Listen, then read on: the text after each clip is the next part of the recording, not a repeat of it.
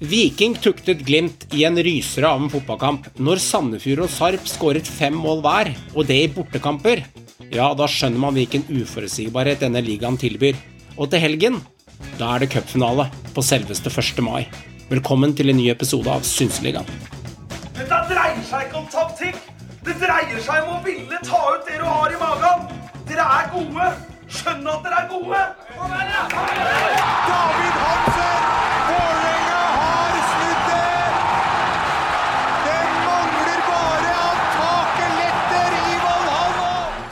Så det er inn i feltet! Det er 4-1! 88-55 på tavla! Frode Johnsen har skåra tre!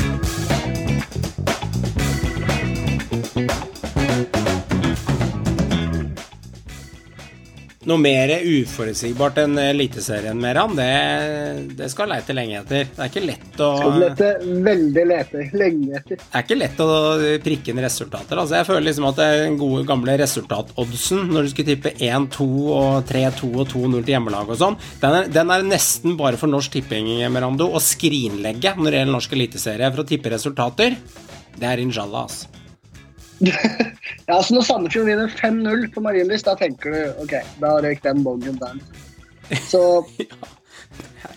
Det er voldsomt. umulig å tippe. Ja, det er helt voldsomt. Og eh, Joakim, hvordan er det med deg? Slikker du, slikker du bikkje- og kattesår? Altså, det gjør det vondt enda? Nei. Nei. Det er den dårligste fotballkampen jeg noen gang har sett Godset spille, tror jeg. Så det er helt, det er helt eh, fair. Altså, det er en sånn kamp Nei, men eh, det er en sånn kamp som eh, jeg håper også at ingen i Godset gidder å se på, å se på noe analyse av eller gjøre noen ting. Det der er en sånn kamp du bare skal kaste ut av vinduet og glemme med en gang. fordi det er en kamp hvor alt gikk feil. altså Det, det, det var ingenting som fungerte i det godselaget. Én ting er fem mål imot, men det andre er jo det at de hadde jo målsjansene sine. altså De hadde jo greit med sjanser. De skapte noe, men um, det var ingenting som gikk inn heller. altså så det var bare Nei, det er bare å glemme. Eh, så jeg har allerede glemt den. jeg. Jeg, bare, jeg, må, jeg, jeg, må sitte, jeg må sitte og snakke litt om den her og irritere meg over det, men bortsett fra det så, så skal jeg glemme hele kampen så fort som mulig. Ja, det er noen ting man glemmer. Det er noen ting du husker bedre fra helgen, Håvard, av resultater og opplevelser i, i runden som var, enn andre? Ja, altså den, i- den i Drammen den eh, har jeg bitt meg merke i, og jeg har en del tanker rundt eh, det tapet. Det kan vi sikkert ta mer i dybden på etterpå. Jeg syns det var voldsomt og pinlig for godset sin del. Mm. Men uh, selvfølgelig så husker jeg nesten aller best uh, den bataljen i Stavanger. Og den krigen det blei, og alt det som skjedde underveis og etterpå, og at Bodø-Glimt tapte for første gang på evig lang tid. Så all ære til Viking som vitrer med pinnen og vinner, eh, vinner kampen. Mm. Så det er det som står sterkest for meg. Og så ble det 1-1 for Brann mot Sogndal. Det var bittert. Eh, Fest i Bergen med nok en gang med 11 000-12 000 på tribunen. Det var gøy.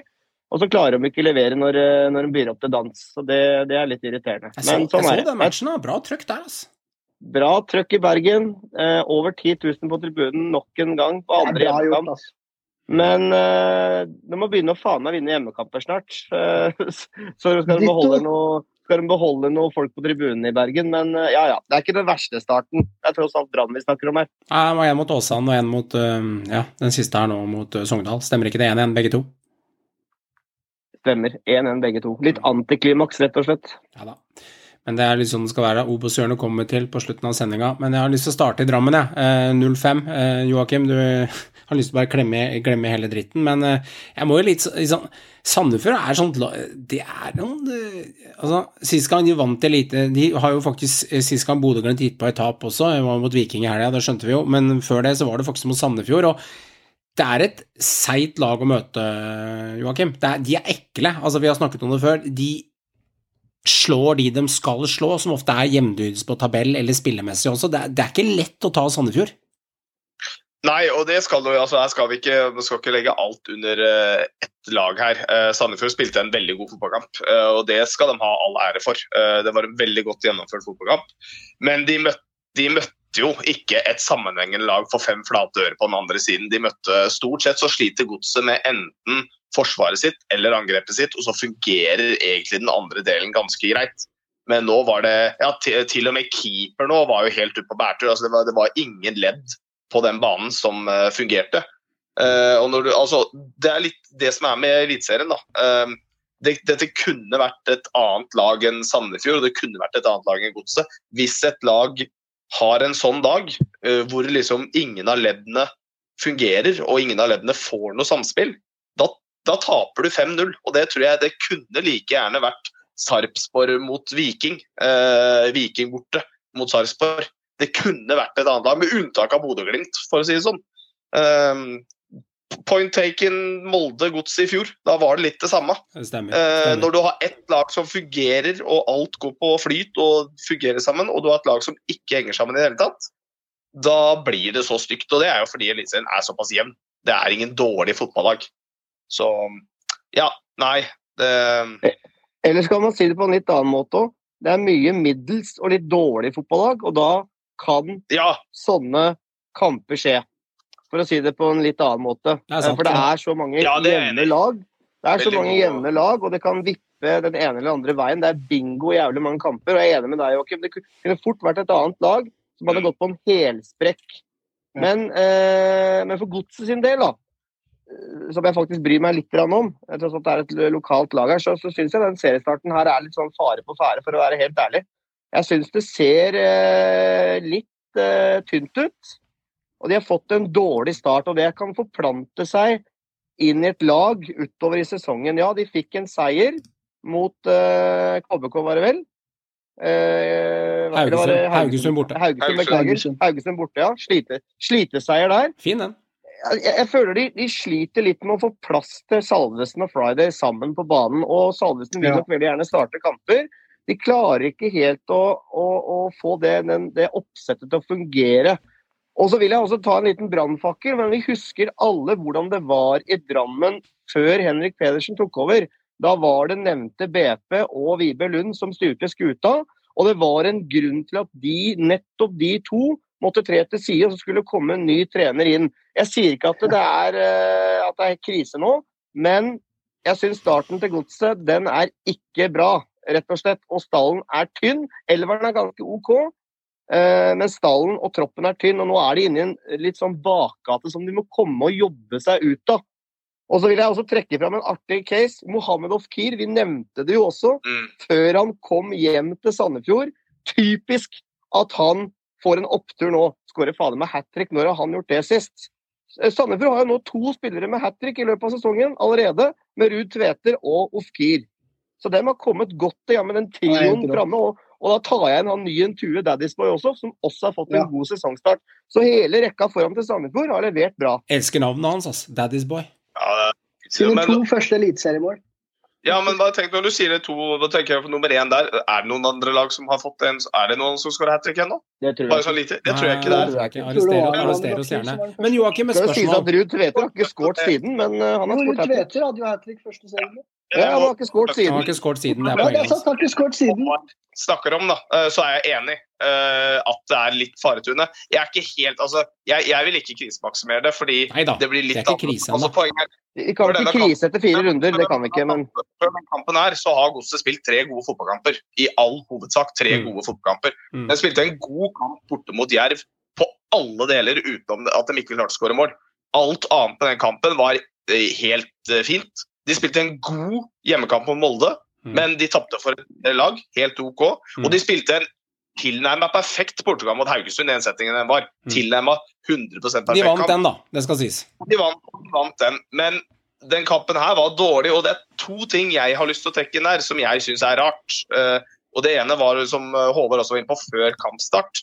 Eh, og Det er jo det at Tokstad eh, starter framfor Gulliksen, f.eks. Mm. Som jeg syns er merkelig. Altså Det virker som at det er litt aversjon. Og, ikke, og, og det at Friday starter istedenfor Salvesen. Altså, Salvesen skåra jo mot Haugesund. La gutten få lov til å leve litt på det, og få lov til å liksom flyte litt på det målet. Det skjer mye i løpet av treningsuka, da, Joakim. Det kan jo ha skjedd ting i treningsuka. Kanskje de har kjent et det, eller det, annet. er så, det er så unnskyldning som fotballtrenere har en tjeneste å gå for. Det er en sånn simpel unnskyldning. Ja, men dere har ikke sett det som det, Kamp er kamp, trening er trening. Når en spiller har skåra et avgjørende mål i en kamp, så putter du den ikke rett på benken kampen etterpå hvis ikke det er en veldig god grunn til det. Og da mener jeg fysisk grunn, som at den ikke takler å spille 60 minutter. Det er det jeg mener. Jeg mener at det er helt skivebom å starte med Friday. Og jeg mener også at Tokstad har spilt egentlig tre halvdårlige fotballkamper for godset. Og har heller egentlig ingenting i den første halvdelen å gjøre i uh, en sånn hjemmekamp mot Sandefjord, som egentlig burde være en god kamp å prøve nye spillere som vi uh, viser at det ikke var det, da, men du antar første gangen, da. Så det er de to hovedtingene jeg reagerer mest på. Det er at de to ikke starter.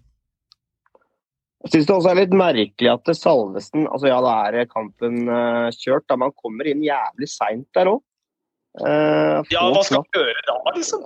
Jeg får knapt spilletid. Altså, altså Før eller siden så må jo, må jo, gutten begynne å starte kamper. Han er jo kanskje den beste spilleren de har all over. Jeg syns det er altså, i hvert fall nei, altså, han, han, er blant de beste de har i toppform. Det er det uten tvil. Han er en lederfigur på og utafor banen.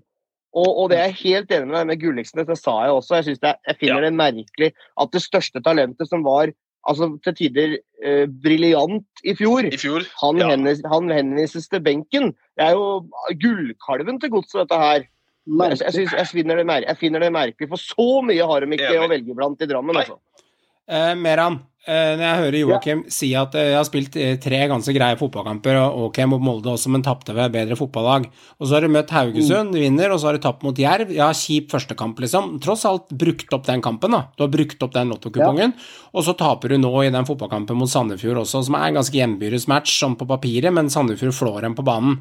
Er ikke sånn typisk ja. båndlag å si vi har sett ganske greie ut, men vi tar faen ikke poeng? Er ikke det sånn klassisk kommentar?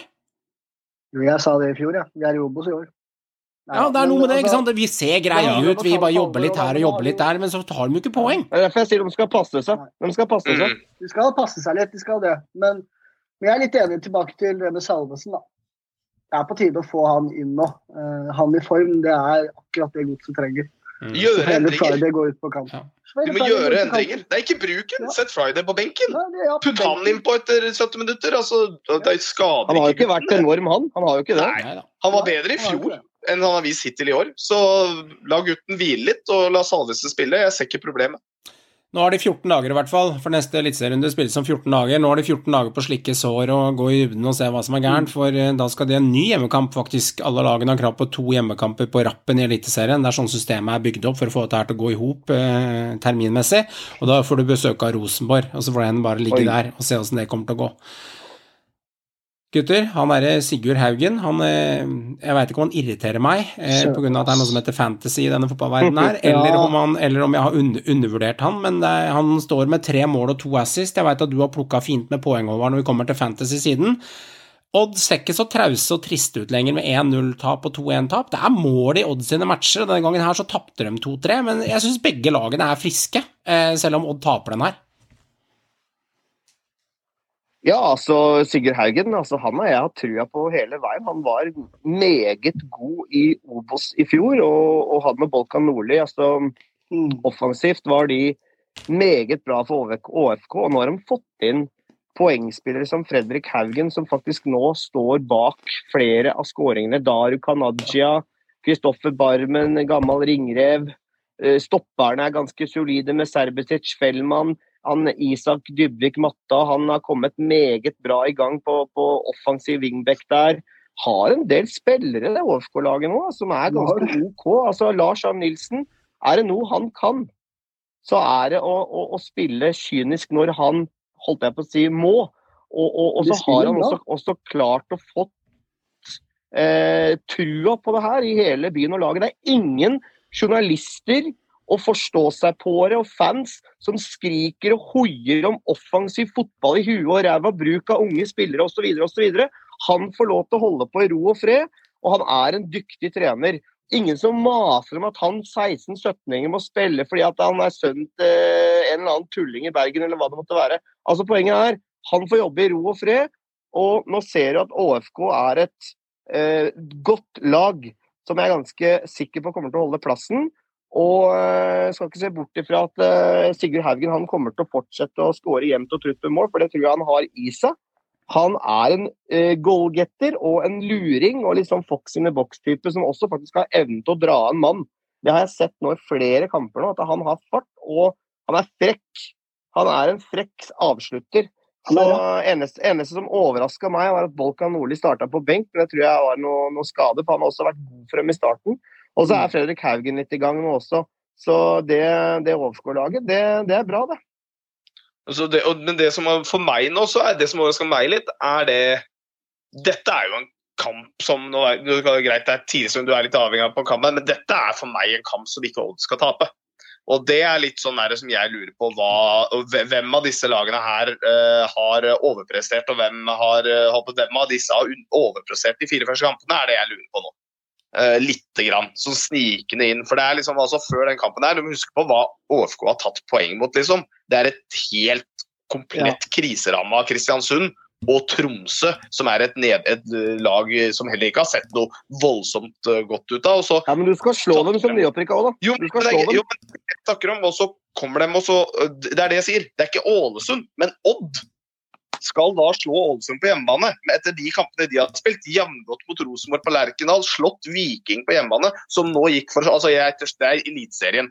Så nå slår Viking Bodø-Glimt. Tapte mot Odd forrige kamp. Ja, det er, det er ping. Det er, det er klassiker.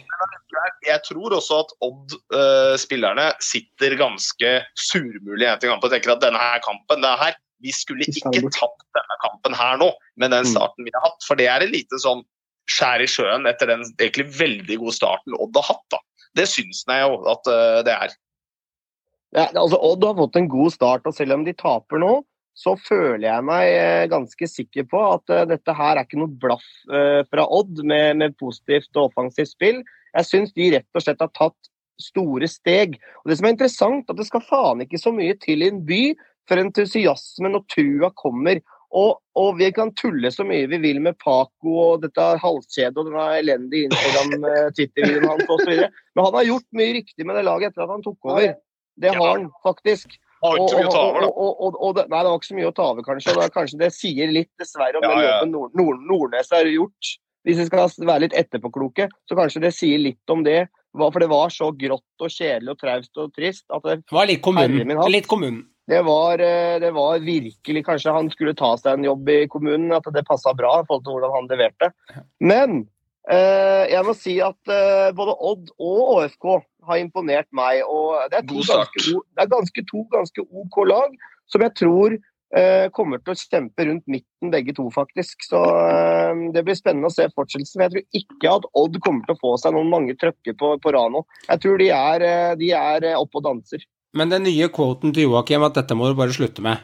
Har han slutta med det halskjedet sitt? Jeg lurer Ja, det Nei, er nei, nei, det er jo det. Er det, det. Hadde Ja, ja, ja. det sist kamp òg. Han har det hele, han sover med det. Han har det hele tida. Han har fått av dattera si, vet du, som vi sa. Ja, ja, ja. Eller så har han kjøpt det på stranda i Thailand, hvem veit. Det er mer skittig story hvis det er den Det er mye søt story med barnehagehistorien. Det Den andre er Thailand Den, den, den, uff. Åh. Men jeg vil ta deg litt på den. Jeg vil ta deg litt på den. At de ikke får tre på rappen nå, for du vet hva de to neste kampene deres er? Hvem er det, da? Borte mot Sarpsborg, borte mot Molde.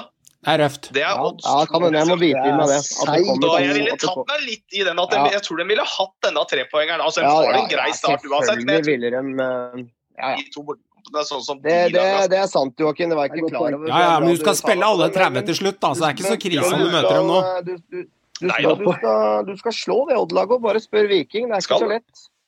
Men jeg må si en ting. altså, Ålesund er med De tar poeng. Sandefjord det samme. Jerv er ikke noe å dytte av stolen, det gjelder. Og HamKam de tar det poenget borte mot Kristiansund. Riktignok var Dere skal Kristiansund faen rykke ned i år. Altså, altså, det er jo litt til slutt Hvem skal rykke ned her? For at vi Ja, det er ikke de er, Jeg syns de er i rute. Jeg syns HamKam er sjarm, det. Altså, det er med Galvis Jeg så litt stats på han også. Har en tre assist allerede.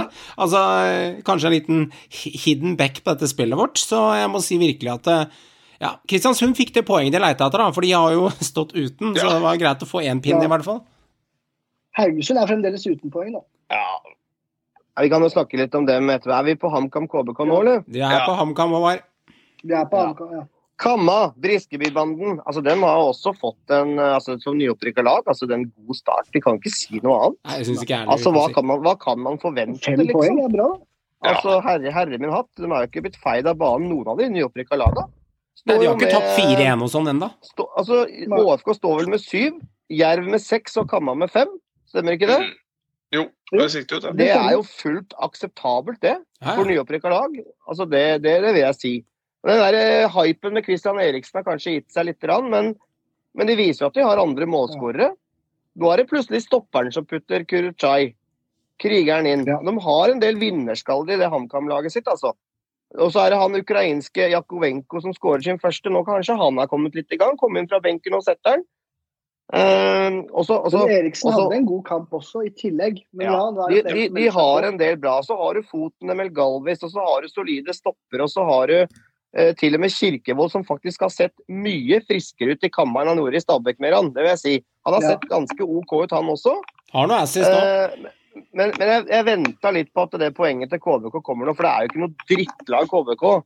Og det var kanskje, nå, nå var Moses Mava, vi har snakka om starten hans, den har vært tynn. Nå var den vraka Mm. til kulthelten Bendik By. Og det er kanskje på tide at Moses får seg en tur på benk, for han har sett elendig ut i Ja, starten det, her det, bare, jeg må blande meg med en gang. Jeg skal ikke mene avbryte deg. Men, men, men, men svarte juling Hvorfor, eh, eh, Bendik Bye skal jo spille av hver gang! Målsnittet er jo helt sinnssykt! Da tar de poeng, nå! da! tar de poeng med en gang! Og Torgill Gjertsen skjønne hva han driver der oppe. Plutselig var det, var det litt sånn schwung over KBK igjen. Eh, I hvert fall i høydepunktene. Så, så var det litt sånn Minna litt om KBK, på en måte. Med trøkk og tut og kjør og Enig. mye, mye som skjedde, da, for å si det sånn. Så, så jeg tror nok HamKam skal være mest fornøyd med poenget. Uh, men det er sterkt. Det er sterkt å ta poeng der borte. Den er seig, den bortebanen. Og, og, og KBK er i hvert fall litt i gang med poengfangsten, i det minste. Men den gamle filmen Moneyball, der du går gjennom poengsnittet, den gamle filmen med Brad Pitt der, veldig kul film. Eh, jeg vet at eh, det er basert på en sann historie der. Noen mener det bare er pølseved, og det er selvfølgelig mange som mener det, og noen mener det er mye sannhet i det. Bodø-Glimt har vist at det er litt sannhet i det, kanskje, ved å dyrke spillestil og heller fokusere på spillere istedenfor navn. Men litt sånn interessant ting. Jeg kan ikke skjønne når du har en spiller som Bendik Bye, Joakim, og vi har tulla litt med det at han har et bra poengsnitt på assist og scoringer versus spilleminutter, men jeg er litt seriøs på det. Altså, eh, fordi greia er det at han er en spiller som leverer overraskende bra versus mye spilletid han får. Eh, om det var betydning i kampen som var her i går eller ei, det er vanskelig å bedømme. Men de tok det en gang, de poenget, da. Og han er en spiller som produserer ganske mye i forhold til mye han spiller. Det er jo det er en undervurdert faktor i alle form for lagidrett, mener jeg, da. Jo, men da kommer Poenget er jo om det er det den spilleren skal gjøre. Eh, vi har jo en eh, viss annen relativt legendarisk norsk fotballspiller som skåret mye mål på lite spilletid, som hadde det som sin forse. Ja, ja. Eh, Mm. og det er noe med det at jeg tror ikke Bendik By hadde putta 15-20 mål i sesongen hvis han hadde spilt 90 minutter hver kamp. Jeg tror Nei, det, egentlig det ikke tror ikke jeg heller. det. det har ikke noe med hva slags type spiller at noen altså, Han er, er en sånn han er litt supersub, litt sånn som kan komme inn og endre kampbildet og skåre det viktige målet i ny og ne som han trenger. Og, da- ja, og da, ja, han, han brukes i den rollen, altså. Jeg tror ikke Han er anvendelig også. Han kan spille kant, han kan spille offensiv, han kan spille ja han er. En typisk som kommer inn og kan endre et kampbilde. Drømmespiller å ha for et middels eliteserielag, da. Ja, Men jeg tror det var veldig riktig å vrake Moses nå. Eh, Ja. Det tror jeg. For at han fortsatt tupp i ræva. Han er ikke kommet i gang. Brente straffe sist også. Nå var det på benk. Det er på tide. Ja. Han, eh, han må begynne å skåre mål, skal han kunne starte på det laget der. og Det nytter ikke å løpe og jobbe mye, du må skåre mål som spiss også. Det er et lag Merando som viser litt mestertakter. To kamper på rad så har de hatt scoring i sluttminuttene her, og han eh, eh, halvutrente Holbert, som trenger litt eh, mer eh, tid og shape for å komme i toppform, han lar seg ikke be to ganger i to kamper på rad. Han nikker dem inn, han, og pirker dem inn, og så er det Lillestrøm akkurat der de skal være, det er der de ønsker å være. Det er litt mestertakter over det her, altså. Det er litt sånn Han gjør det igjen. Ja. Holmberg gjorde det igjen. Det er Ja, bra, og det er viktig òg, vet du. Det er viktig å ha, å ha god flyt, og det er det Lillestrøm har nå. Og nå har de jo god tid, da. Hvem veit? Kanskje de kan reise opp til Aspmyra og shake ting opp litt. Om to uker, ja. Det, det de leverer, ja, om to uker. For det de leverer nå, er helt vilt, altså. Tabelltoppen nå, helt fullt fortjent.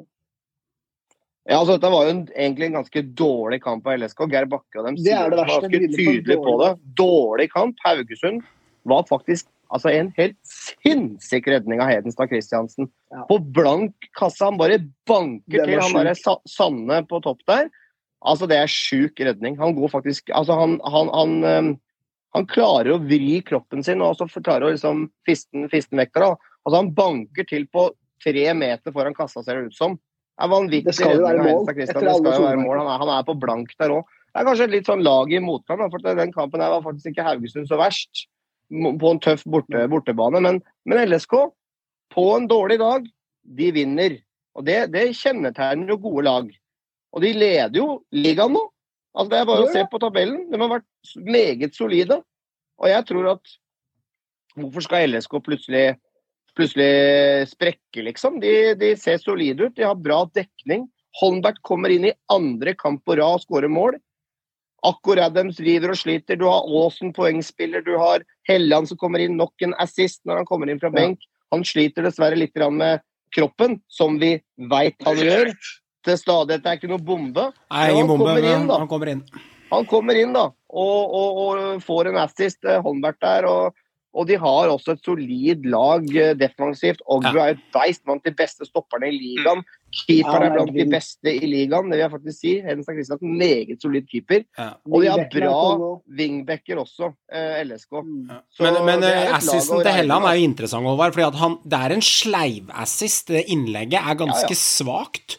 Eh, og det, han Haugesund, midtstopperen eller bekken, han, han bommer rett og slett som han gjør på sånne femtedivisjonskamper, og så går han gjennom beina hans, og så blir han pirka inn fra fire meter. Så det er en, eh, det er en assist, da. Ja, ja, ja, ja, Og ja. og det er han som slår. Ja, ja, det er helt fair. Så nok en assist og Helt målpoeng til Helland. Fair. og Holmbert igjen, han er på rett plass. Og det er en styrke hos LSK, Ja, ja. vil jeg si. da. Det. De har to såpass gode spisser. Ja, ja, det er bra. det er bra. Men jeg hørte jo i en, i en podcast eh, om det var eh, bonuspodcasten som snakker om fantasy, eller om det var eh, Romerikes Blad der, eh, der hvor Tom er med på dødballpodden. Eh, En liten shout-out til de, den er fin å høre på. Ganske Lillestrøm-orientert, men, eh, men eh, en fin, lun prat om hva som skjer på Romerike. Jeg liker den podden. Med Blakeren og greier. Ja da, han er ganske anonym, Blakeren til tider, i poden der. Han er ikke så Oppfatter han noen ganger som sånn ikke hysterisk, men veldig på, da, litt sånn vittige kommentarer og sånn. Men jeg syns duoen de har i studio der, er ganske fin. Så har de med Lillestrøm-fans der også, en kvinnelig en jeg ikke husker navnet på, som er med i poden. Veldig fin pod.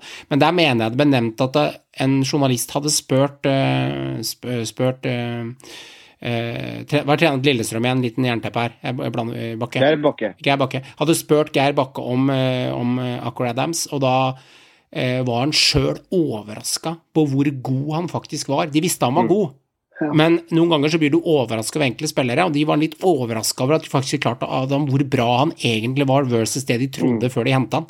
Eh, så Lillestrøm er en av de få laga, man skal være litt klar over det, du som lytter og hører på her også, en av de få laga i ligaen som har to spisser som begge er kapable til å skåre mål fra ulike posisjoner, men i tillegg komplementerer hverandre med at han ene er stor og sterk og beist og tjuv, han andre er rask og kvikk og litt sånn Bamba-type. De har to spisser som i, altså de fyller hverandre litt ut. Det er det ikke så mange lag i ligaen her som har. Og, og de kan også, Uh, holdt jeg på å rulleres litt på i forhold til kampbildet. Riktig. Det, det føler jeg på mange måter er en styrke. Noen, noen steder er det ikke en styrke, for at det blir uh, holdt jeg på å si, for mye rullering. Men akkurat for LSK sin del, så tror jeg dette her er en styrke med tanke på at de kan matches litt forskjellig og, og faktisk rulleres litt på. Hvis de på en måte er innforståtte med det, begge to. da. Ja, ja, At det på en måte ikke, ikke skal, For det virker som det er veldig harmoni i LSK om dagen. At de drar veldig i samme retning. Det virker veldig sånn, i hvert fall sett utenfra. Og Ja. også litt det man ser innenfra garderoben. og Det er en veldig god stemning i LSK-laget. Ja. Eh, og det tror jeg også at de trønderne står mye bak, med Helland og Aasen. Og de, de har gjort mye riktig i garderoben. og Geir Bakke Petter Myhre gjør, gjør en kjempejobb. Så, så, og litt trøkk på Åråsen igjen også på tribunen. Det, det, det syns også. Så, så det, er, det er gøy at eh, Lillestrøm synes jeg en såpass stor og ærverdig klubb er, er med der oppe og slåss litt. Jeg syns det er moro. Men én ting. Dette er eh, episodens eller ukas 'Dette må du slutte med', som Joakim kom med quote eh, forrige uke. Forrige uke var det jo eh, båndet til Paco Poco Loco-fotballen, men eh, jeg må si at eh, det ukas 'Dette må du slutte med' Lillesund-supportere må slutte med å komme sånn Det er så typisk oss å slippe mål på overtid, det er så typisk oss å ikke få det til, det er så typisk oss å drite oss ut med leder 2-0 eller 3-0, eller eh, da, da surrer vi det til. Typisk oss-kommentaren skal være et vinnerlag i Eliteserien, så slutt med det typisk oss, dere. Nå har dere to kamper på rad der dere har avgjort til sluttminuttene. Eh, det er fort gjort å glemme at dere også har den egenskapen i dere, så slå dere heller på brystet og vær fornøyd med den posisjonen dere har, for det dere leverer om dagen, er faktisk småskremmende. Det er det. Ja. Vikinggutter, drittsekklaget i Eliteserien. Det er ikke grenser for hvor ass det fotballaget der kan være. Og jeg må si en ting. Mm. Gratulerer med seier over Bodø-Glimt. Det var sikkert noen som gossa seg land og strand rundt, om det var Brann-supporter, Vålerenga eller Rosenborg-supporter, eller satt i Drammen i en ensom leilighet og satt og gossa av at endelig tapte Glimt, for nå var det søren meg på tide. Det kan godt hende. Men maken til et drittsekkfotballag er lenge siden jeg har sett, karer. Enig. Ja, hvor skal vi begynne? Uh, dette her uh, var jo all ære til Viking, som har eh, en god kampplan. Og de altså ødelegger Glimt sin spillestil med et ekstremt aggressivt press. Noe vi også så på den Aspmyra-kampen i, i semifinalen i cupen, faktisk. Ja. De var gode der også, Viking. De turte å stå høyt. Det er ikke mange som gjør på Aspmyra. Men akkurat da holdt det ikke. Eh, nå eh, var de enda litt mer aggressive, enda litt mer fæle å spille mot. Og så har de eh, matchvinnertyper i Tripic og nå også faktisk Seblonsen, som har et nydelig langskudd der. Og du ser den der krigeattituden til Veton, der han vinner den viktige duellen. Der han er livsviktig for Viking. Men jeg syns bare for å si dette her. Og jeg syns det er eh, gøy at Viking slår Glimt. Det trenger vi. Vi trenger spenning i toppen. Og at det, de kan vise de andre lagene at det er mulig å slå Glimt. Så at de ikke er uovervinnelige her hjemme. Og Det er viktig for norsk fotball sin del, at det blir spenning i toppen. Men jeg syns at det som faktisk også media nå skal fremstille Bodø-Glimt som et drittsekklag, et lag med dårlig moral, nærmest. Et Mm. lag uten fair play.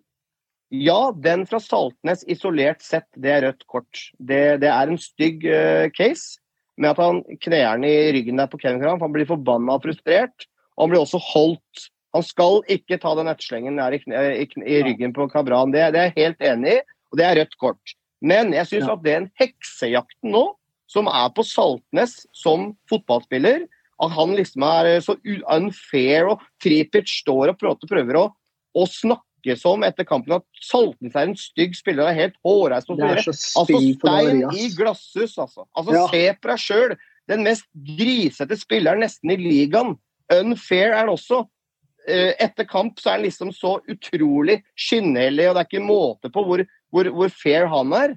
Altså Jeg blir litt kvalm av sånne spillere som Ja. prøver å kaste, holdt jeg på å si, kollegaer under bussen og få han til å få Det er jo kollegaer. Det er jo kollegaer. Eh, ja. Jeg Det syns er det er De holder seg for gode for alt det der pratet om at Glimt er sånn og sånn, og Kjetil Knutsen, en hedersmann, blir også dratt inn Ja. i det her. Altså, hva faen er dette for noe tull? Jeg blir jeg er faktisk provosert over er oppførselen, oppførselen til Viking, eh, Vikingspillerne etter kampen. Altså, Gni det inn at dere har vunnet kampen, men ikke prøv å trekke det ned i dritten. Det syns jeg, jeg er håpløst. Og så vil jeg også si, altså som Christian Gauseth holder på i Eurosport studio, snakker om anmeldelse, det er ikke måte på. Se deg litt i speilet da, mann. Du hadde jo skitne triks hele karrieren din. Hele karrieren Mm. hadde du skitne triks. Og, og, drive, og som ekspert og skal drive og dømme folk, det burde han ha, holde seg for god for. Eh, det er ikke hans jobb å skal drive og eh, si at han skal ha karantene, han skal ha en anmeldelse og ditten og datten. Det blir håpløs journalistikk. Altså Her skinner det gjennom at han ikke er veldig fan av Glimt. Det syns jeg det gjør, og det burde de holde seg for gode for. Snakk heller om kampen. Ja, det var en enkelthendelse som var stygg, men å drive og dra Glimt ned dritten, det syns jeg er dårlig stil. Uh, det er, jeg er helt enig når det gjelder Viking. Uh, også enig med Gauseth. Begynner å bli litt smålei Gauseth eh, til tider. Han har Ja, veldig. Men altså, han, han, nei, men han har den rollen han har. Da. Vi vet at det er den rollen han har, så det er helt OK. Hvis det er den rollen de ønsker han skal ta, så tar han den. Men når det er sagt, eh, Saltnes skal ha karantene. Det er, det er ikke noe tvil om Han skal suspenderes. Det der er for det, det, det, der gjør du ikke. Det, det var ikke bare en skittenhandling, det er en, altså, det er en drittsekkhandling. Og det er så åpenbart med overlegg at uh, det, det, det er ikke, Du skal ikke unnskylde det. Det der, der er tre-fire kamper på sidelinja. Dønn, deal, ferdig. Det er det Hvis det ikke Men da er det de ta andre Men, jo, men Joakim, jo, et spørsmål til deg, Joakim. Et oppfølgingsspørsmål. Hvis, altså, du må, du må, hvis dommeren ja, har sett hendelsen, så tror jeg ikke han kan gå tilbake på det etterkant, hvis han var dømt for Han har ikke hendelsen. Okay. han, Han har, altså, sett den, han har til og med sett den på video etter kamp, og han var utvilsomt Ja, men etter kamp er noe annet. Han har, har ikke sett den i kampavgjørende øyeblikk? Den er sendt, den er sendt til, eh, til eh, disiplinærforbundet i okay. Eh, Dommerforeningen nå. Eh, Og, og det, er, det er snakk om at eh, det blir et eh, disiplinære Og, det, og det, Ja. det forventer jeg at det blir. Det er, for det er snakk om det. Det blir det er- her, ja. ja. Poenget er det er stygt. Altså, kan det er rødt kort, det er enig i. Det sa jeg også. Det. Det, det der, der er et par kamper på sidelinja, for du kan ikke la sånt gå. Det er så tydelig med overlegg. Men det er Og er greit at det er frust- Okay. Det er greit at du er frustrert, helt OK. Frustrert, helt OK. Du har lov til å være det, lov til å være frustrert, men det du gjør der, det gjør du ikke. Ferdig snakka, du gjør bare ikke det. En ting til som jeg er litt Som jeg har sett litt tendens på, som jeg så mot Rosenborg og også mot Viking. Jeg syns Glimt-spillerne sutrer. Okay. Og det er greit de er frustrert, det er greit en føler at det andre laget spiller kjedelig, bryter ned spillet deres, spiller unfair, det er greit. Men jeg syns de gutta der sutrer litt nå. De begynner å bli litt sutrete. Eh, og det syns jeg er, altså, det er litt sånn bare, Det er litt dårlig stil, da. Altså, du er, altså, alle veit Men hvem sutrer etter kampen? Hvem gjør det? Nei, men jeg har ikke sagt noe. Nå må du slappe av. Nå har du sittet og fors øh, banka Viken ned i søla. Men du må jo begrunne hvem sutrer. Eh, Glimt-spilleren, og spesielt Saltnes. Jeg synes Han sutra mot eh, RBK. Jeg synes han sutret etterpå. Jeg synes ikke han tok noe selvkritikk for det han gjorde mot Jeg syns han la seg flat, jeg. Ja. Egentlig. Jeg synes Flatan da, det sånn. Det var mer sånn Å, jeg var frustrert, jeg skulle ikke gjort det der, liksom. OK, jeg skjønner. Men det er en Altså, jeg, jeg syns det er litt sutrete. Eh, og jeg syns på, hele på spillet på banen også, så er det mye veiving. Men det er klart Viking gjør det samme. Eh, Så du kan si om de møter Viking på dems del, helt OK. Eh, Men de taper jo kampen for et bedre fotballag, og det er bare viktig å slå fast her. Viking var det beste laget på den kampen, uten Det er ingen uenig uenig med deg. Men for noe alt sagt, jeg er helt enig også med Håvard. Det, er gøy at vi får et lag som slår Glimt, for det er veldig viktig at vi gjør det. Eh, Det er gøy å få et lag som klarer å presse Glimt litt i senk. At de liksom klarer å slå dem, ikke bare ved å legge seg. Skal ikke vi begynne å snakke helt likt som dem, da, men legge seg ti mann i forsvar, liksom, og så prøve å kontre inn noen mål. De prøvde å spille ut Glimt, og det skal de ha all honnør for. Og så er selvfølgelig Viking altså det er et drittsekklag på godt og vondt. Eh, Jeg både liker det og misliker det. Det, det er sånn det er. Spørsmålet her, da, er hvis Saltnes får en utestengelse. Gjelder den da cupen med en gang nå, eller er det utelukkende for serien? Det gjelder eh, Det vurderes inn mot cupfinale, ja. Herregud, Vurderes det? Hva er reglementet, hva er regelverket her? Hva er Nei, det, det, det, er, det er obligatorisk kamp, det også, så det, det kan gjelde der, ja. I verste fall mer om det, så kan det gjelde cupfinalen og hjemmekampen mot Lillestrøm om 14 dager. Eh, Mm. Det er ganske viktige matcher. Er Eh, Men jeg må si en ting at eh, det, det den der drittsekkmentaliteten som jeg ser at Veton har en god del av, Slat, Slatko Tripic er, er høvdingen over det her. Um, ja, han er ekspert på det. Ja, og jeg må si en ting. Jeg må ta, ta en greie der. Og så kan du, den som er vikingsupporter i andre enden, si at vi er sjalu eller skulle gjerne Jeg skulle gjerne hatt en som spiller på en eget lag, jeg er enig, men det går en grense og moral eh, når du spiller med andre, eh, altså kall det kollegaer kommunemessig på fotballbane, og eh, måten du skal eh, appær til deg som menneske versus andre mennesker, det er lite grann eh, Jeg syns det er på grensa til litt ufint. Kanskje jeg hadde syntes det hadde vært kulere hvis jeg var 22, men nå er jeg 38 år, 39 snart, så det har noe med at jeg syns faktisk jeg blir litt sånn derre det, det går en grense her. Jeg så det mot Stabæk for et par-tre år siden nå. Han klarte å påføre Stabæk tre røde kort på løpet av en hel sesong, bare på sånn tjafseri og tullerier og eh, gli litt ekstra når han blir tatt og ut med hendene og albuen ut av leddet, og det er ikke måte på mye styr. Hver eneste situasjon du har slått Kotripic i en duell, så er han såpass god at han kan fike den i krysset eller drille av to mann, det er vi enige om. Så det er ikke det vi diskuterer, for han er en klassespiller. Men du må passe deg så jæklig for at det er et eller annet tjafseri som kommer. Det er alltid et eller annet på grensa. Dette har Brekalo i duell mot Boniface tatt inn over seg på trening. Han driver med skuespillene og Boniface i ansiktet der i duellen. Er ikke i nærheten av rødt kort i det hele tatt. Han, ja, han er litt uheldig med handa, men han slår jo ikke ned Brekalo som at det er en Rocky-kamp. Det er jo ikke det han driver med her overskuespill. Det er ikke grenser. Men Stavanger-publikummet de liker dette her. da. De møter opp og herjer på, for det er dems drittsekker. Men jeg syns de skal passe seg litt, og jeg syns det er jækla ufint. Og at ikke media og dommerne ser det mer. Spesielt dommerne, da. som er profesjonelle og skal skjønne spillets gang og forståelsen av hva som skjer på en bane. Vi som supportere ser det jo. De må jo begynne å våkne snart. Jeg syns det er ensidig, den kritikken som har Mm, kommet til denne det er kampen. Den er veldig, den er veldig mot Glimt. Og sånn er det jo, det vet jo du som Rosenborg-supporter, Johan. At Ja når et lag vet er for suverene og for gode, Ja så blir det sånn eh, opposisjon. kommer. Og alle skal ta dem og trykke dem ned. Og sånn, må det. sånn må de kanskje bare regne med også. Men jeg syns de får ufortjent mye dritt fra media, altså såkalte eksperter. Jeg vil kalle det såkalte eksperter. Og da motstanderlag. Vær fornøyd med at dere har vunnet kampen. Dere var best. Dere spilte en kjempekamp. Dere var gode, solide. Dere, dere kjempa dem ut av stilen. Men ikke prøv å kaste kollegaer under bussen etter kampen. Ja, det var en stygg sak fra Saltnes. Det er han fullstendig klar over sjøl. Jeg syns Kjetil Knutsen også viser hvor hedersmann han er. Eh, vi Ja. tapte mot et bedre lag i dag, og nå må vi, nå må vi eh, skjerpe oss. Nå må vi bli bedre. Nå må vi hjem og trene. Eh, han kommenterer hendelsen med Saltnes, så han svarer helt fint rolig på, på det. Og, og, og syns det er rart hvis han skal få etterspill. Men han er veldig tydelig på at Viking var best, og vi takla dårlig det høye presspillet.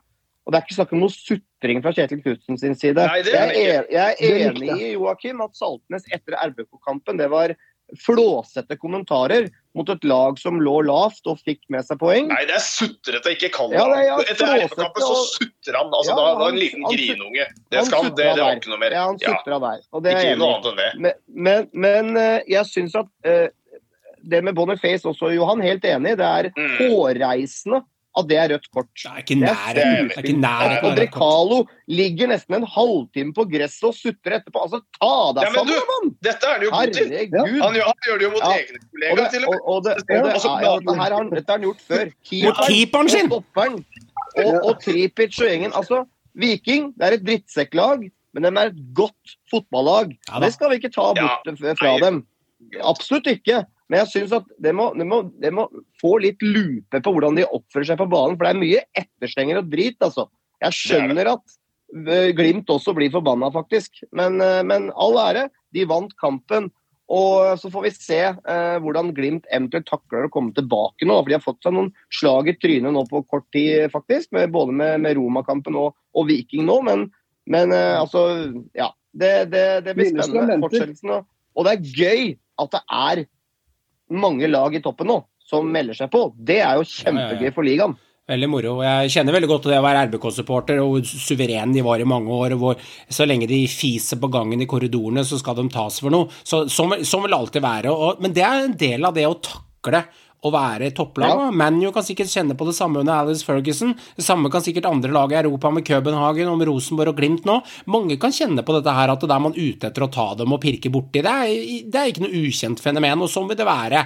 Men eh, det er lov å Og det må du takle når du er topplag. Og det er en del av å være topplag. Det er en del av å være Ja. topplag, er å takle de ting som ikke Det er handler om å spille på banen, men det handler om de mediatingene, ikke sant? Eh, For man kan jo jeg, jeg, syns det, det blir hyklersk når spillere eh, skal prøve å ta kollegaer etter kampen Ja osv. osv. La, la dommeren eh, dømme, og, og, og heller være fornøyd med egen innsats. Ja da. Eh, Helt enig. Merando, Merando, endelig var det din tur til å skinne på Fantasy. Eh, Du er faktisk den Ja. av oss fire som, eh, som eh, fikk mest poeng denne runden her. Du Ja, var det det? fikk 65 poeng av oss. Jeg vet det er flere i Synseligaens eh, totale gruppe på 350, eller hva vi har kommet opp i, som har vært bedre enn deg, men vi snakker om oss fire. Ja. Så eh, Ja. er du på interessant, Joakim, du ligger et godt stykke ned, så da gjør vi som tradisjonens tro, da blir du ikke nevnt engang. Det er sånn det er, det. Men jeg ligger på 194, eh, akkurat med og puster. Og så ligger eh, Merando, skal vi finne søte deg oppi her, du ligger og vaker på 200 og jeg hadde deg nettopp her. Det er 200 og, ja, hva blir det? 209, vel? Hvis ikke jeg tar helt galt her. Eh, Det er for mange Oi, lag. oi. Det blir for mange folk. 209. Det er- jeg har kontroll. da. 200, 209, en 10 poeng foran meg, 10-12. Og så har vi Håvard med 210. Så eh, det Oi. er så jevnt. Det er et bytte eller et lite feilgrep, så Hva, er det hva sa du stillinga var i toppen med oss her nå? 209 og 210. Nå våkna han. Oi, oi, oi. Det er så jevnt, det er ingenting. Men, uh, ingenting så, og så har dere ti poeng ned til meg, så ti poeng er heller ingenting. Det er en liten lufteluke, det er ingenting. Men Ja, er Merando, du smeller inn Oppsal på Tromsø, du kjører Berisha og Mollins, du holder Tripic Ja. i gang, du holder Dragsnes der, du treffer på Ogbu, og så har du noen Bodø-Glimt-spillere som går rett i fòret. Men du kjører to Ja. kapteiner, så ganske likt som mange, mange, mange andre. Snakk gjerne litt om hva du Ja. tenkte før runden. Nei, altså jeg Vi har jo prata i flere runder om at eh, når det kommer til chipsa mine, så er jeg en gjerrigknark. Så da tenkte jeg vet du hva, nå gjør jeg det. Og så så jeg da at eh, både da Lillestrøm og Viking hadde dobbeltkamper. da. Så da tenkte jeg vet du hva, jeg må gjøre det nå. Det er nå eller aldri. Det er, det er liksom Aasen og Berisha, du finner ikke to bedre kapteiner allikevel. Nå har de doble kamper, så bare kjør på. Så, så jeg tok eh, minus fire da, før runden. Ja. Og så um, ja, så briljerte egentlig alle bortsett fra Glimt-gutta. Det Men hvem har du fra ÅFK, Meran? ingen, dessverre. Og jeg, jeg valgte å beholde Ruud Tveter istedenfor Sigurd Haugen. Det er det som irriterer meg. Jeg, Hvem har du fra, hvem har du fra LSK? Ogbu, Aasen Dragsnes, Aasen. Og Viking kun Berisha? Tripic. og Tripic. Ok. Og Moulin, da. Jeg må igjen Guillermo Moulin. Det er, en, det er en fin spiller da på Fantasy. Han, han drar inn Ja, ja. mye poeng. Altså. Så da, med Berisha i form òg, så har du to velfungerende spisser. Og hvis jeg endelig omsider nå tør å få inn Sigurd Haugen, så har jeg da tre velfungerende spisser. da, Hvis Sigurd Haugen klarer å fortsette stimen. Men han Det er rekka mi, det, så den skal du holde deg unna. Den rekka Det er det. Ja, ja, men det er bare å begynne å kopiere rekker, for da holder man seg Men- jevnt helt til slutten her. Men eh, som vi nevnte, det er en del doble kamper her. Da. Så, så Ogbu, Dragsnes, Åsen, Tripic og Brisja har jo en, en kamp til. da. Der har Håvard litt å gå på på deg, litt grann, fordi han har Nordli og Haugen i bakkant, og det kommer til å hjelpe Ja. litt. Grann. um, særlig hvis Haugen setter en kasse eller en assist eller får noe med seg. Og han har Patinyama, han kan det. fort spille. Men klart, du har Tripic, da. Han kan plutselig skåre to mål og en assist, og da er kroken på døra andre veien. Så vi har ganske like lag, Merando. Eh, ganske likt. Ja. Eh, Håvard også har tenkt ganske likt som oss. Det eneste som skiller forskjellene her, er eh, Mola eller Molins, da, som jeg ikke har, men, han, men mer han har. Og så har Håvard Haugen, som har vært litt tro mot og Helland. Det er lite som skiller, altså. Så nei, man skal man klare å rykke fra her, gjøre, må man gjøre noen virkelig krumspring. Fordi at eh, det er veldig mye likt her, Håvard. Ja, det er en del likt. Og det var litt funny når vi eh, tok opp lagene våre, og hvor mye likt vi hadde tenkt. Uh, irriterer meg, da. eh, At Kristoffer Haugen blir skada, eller syk, rett før uh, Molde-Rosen- Rosenborg-Molde-kampen. Patinama plutselig benkes, Båtland Nordli plutselig benkes. Irritasjonsmomenter ass, som, eh, som frustrerer meg veldig. Eh, Helland kommer inn, han får med seg en assist. Veton capper jeg. Hadde magefølelsen min var på Sigurd Haugen hele veien. Og så ble jeg frista i siste eh, øyeblikk med å cappe Veton. Tenkte at nå får han få det kapteinspinnet. For Viking fikk jo plutselig dobbeltkamp, de òg. Det bestemte meg for Haugen egentlig hele veien. For jeg hadde jo cap på han forrige runde og traff bra på det. Og så blir jeg frista til å kjøre Veton, og det angrer jeg meg som en hund for. Men, eh, det er ikke, noe, eh, er ikke noe ille runde, dette her. Jeg er med og danser. Eh, og eh, jeg føler jeg har funnet en god eh, flyt på fantasy nå og kommet greit i gang. Og så er det fader meg igjen altså, veldig viktig med kapteinsvalg. Nå tok jeg doble kaptein nå, nå, og så har jeg en dobbel på både Aasen og, og Veton, men som også du har med, Meran. Og det har vel også Krog på samme gutta. Så det ser jo likt der. og det irriterer meg også enda mer for at jeg ikke hadde Haugen. Så da kunne jeg skilla altså, gått en litt annen vei, da. Men, men sånn er det. Vi, eh, vi er, også Christian Eriksen han lever litt farlig hos meg. Han har begynt å Han svikte litt. Han har begynt å svikte litt. Og så må jeg vurdere sterkt hva jeg gjør med Helland, for han er jo da igjen mye skada. Og, og jeg skal innrømme at også Veton faktisk hos meg, han lever litt farlig. Han er så dyr, han binder opp så mye kroner er at jeg, at jeg nesten vurderer noe annet snart, altså. Kan ikke du bare bytte den ut, da, så kan vi andre beholde den, for da begynner han å skåre mål. Ja, ikke sant? Ja, Jeg hadde jo Holmbert, jeg. Eh, Skåra ikke på to runder. Og så var det to eh, kasser, eh, to kamper på rad her. Ja, ja, ja, da er han ute av laget, vet du. Og jeg må Du si bytta Du bytta Lillestrøm-spiss, du. Ja, jeg gjorde det. Men eh, det er en del av livet. Det, det, det er sånn det er i Fantasy. Og eh, sånn er det Ja. spillet her, så man kan ikke syte over det. Eh, Det interessante her er jo at hadde du putta på Haugen og var, så hadde du fort kommet deg opp fra en 60-70.-plass til en topp 20 innafor vår liga. Fordi at Ja, ja. dine 210 poeng hadde blitt til 225-230. Eh, Og den som leder hele ligaen vår, er Bingoball med Matt Bach og Bobby Lupo med Espen Lund Bjørnsen og Trollgutt med Tor Svendsen, og de har 254, 252 og 252. Så det er, ikke mer enn fyr- Oi! det er ikke mer enn 40 poeng opp for dere og 50 poeng for meg, opp til toppen. Men det er den ene kapteinen med 15 poeng der, da. Den ene spilleren du driter deg ut på på håndbart, så er de 10-12 poenga. Det er alltid de 10-12-14 poenga som sørger for at du alltid havner litt foran eller litt bak. Og det er en del av Fantasys sjarm. Så Ja, ja. og ikke sant, det Artig eksempel nå, som jeg nevnte med deg, med at du har fjerna da Holmbert, valgt Ja, den andre LSK-spissen, Ja. som faktisk også starter begge kampene. Riktig. Og akkurat den starter jo. Men det er Holbert som kommer inn og, og putter. Ja. Men uh, det man er nødt til å treffe på, det er jo også litt vanskelig når man ikke har elveren i forkant. Det er jo faktisk den som starter, ikke sant. Og plutselig Molde er jo verste i klassen Ja, der. Å velge spillere. det, Altså Det er nesten styr unna-lag, og så plutselig så er det noe, noe sykdom og noe tull der på det laget. Så det, det irriterer. Så Kristoffer Haugen nå er så jævla dyr forsvarsspiller. Han er god, ikke sant, men plutselig så Det svir jo i pungen når, når sånne spillere ikke spiller, som er så dyre. Ja, ja, ja. Det er, det, det er surt, liksom. Det er, det er ekstremt surt, men det skal være litt sånn, da. Man irriterer. Så noen ganger drar man inn litt heldige poeng òg.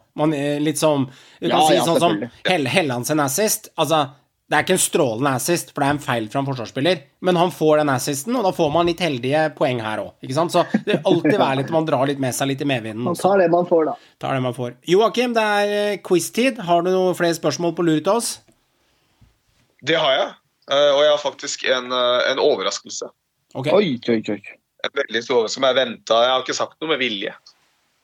Uh, overraskelsen er veldig enkel er at uh, nå har eh, jeg, jeg har bytta bort uh, to kategorier som har blitt liggende en stund. Mm. Så er bank, Stabæk og Brann-kategorien av en enkel Oh. årsak. Og den enkle årsaken er at nå er det to runder eh, hvor dere kommer til å få tre spørsmål hver.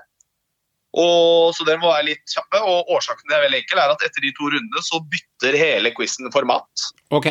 og blir helt ny.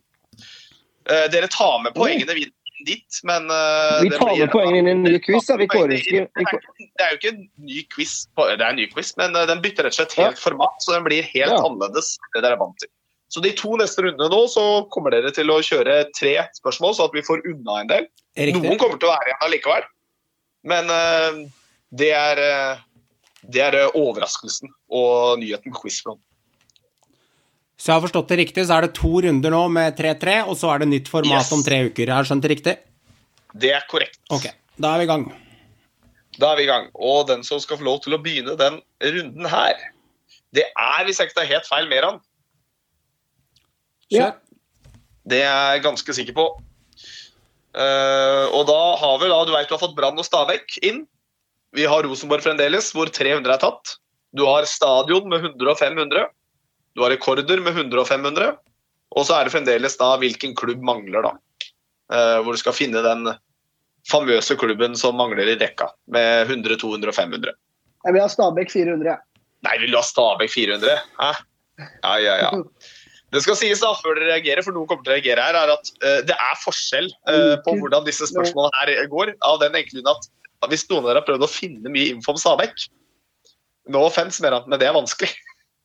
Jeg vet, Du må være certified G. Du må vite at skal du ha info om Stabæk, så må du på Stabæk-guru. Han som har alt. Det var et sånn forbanna Excel-dokument du kan lete gjennom. Hvem er det som bruker det i år, da? Herregud. Men OK, vi kjører. Eh, Så det du får rett og slett der, det er eh, Hvilket lag satte en kontant stopp for Stabæks europadrøm i 2009-2010? Oi. Eh, FCK. Nei, Valencia, Valencia, Valencia, Valencia. Valencia. Du gikk nesten i nett... Du gikk nesten Jeg gikk nesten på fella. Og det verste er jeg var på kampen. Jeg var på begge kampene. Det var Valencia. Jeg var, på, jeg var på en kamp der, jeg òg, husker jeg. Ja, du var på en kamp der du òg, Det er helt riktig. og drøm som lå der. Det var det du skulle få med deg. Jeg hadde litt håp, Ja, for det er det de fleste husker, sånn CL-kvaliken. Men det er helt korrekt. Ja. De tapte 1-7. Hvor mye ble stillinga? 1-7 totalt. 1-7 sammenlagt. Pontus 1-7 Fagerud skåra det ene målet i Valencia på Mastaya. Gode, Yes, gamle Pontus. Fagerud. Yes, Da tar jeg Stabæk 500. Nå, nå skal jeg hende prøve Men unnskyld meg, en egen kategori Ja, greit. Det er helt jo Ja, jeg tar den, jeg. Du fikk det, du òg. Du hadde tar- RBK sist, du òg. Ja. ja, men ta, Du tar jo ikke den, da. Du er litt uh, høflig over kanten her. Du gjør jo ikke det. Nei. Det er greit. Da kommer den. Tre spillere fra Stabæk sitt gullag i 2008 Ja. havnet, havnet på rundens lag fire ganger eller flere. Hvem? OK. På rundens lag fire ganger eller flere. Gjennom sesongen. Ja, Der kan jeg bare ramse opp hele laget, egentlig. da. Men det er, det er Daniel Landskog. Det er kun tre spillere. Tre spillere Kun Tre spillere. Ja. havnet på rundens lag i sesongen Mer enn fire 2008. ganger. i 2008. Greit. Alan Sinjo. Veigard Paul Gunnarsson. Det kan være en felle, dette her. Det Kan være en lurespørsmål. Mm. Er det lurespørsmål? Still spørsmål en gang til. Jeg skal ikke ha noe penger. Nei, det er ikke lurespørsmål. Tre av, uh, tre av Stabæks spillere, de som var i stallen til Stabæk i Mm. 2008 mm. gull, havnet på rundens lag fire ganger eller flere.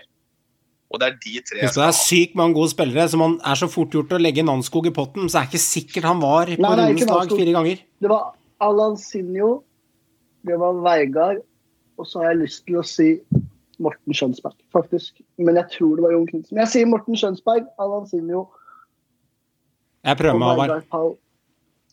Ja, det er, det er Eh.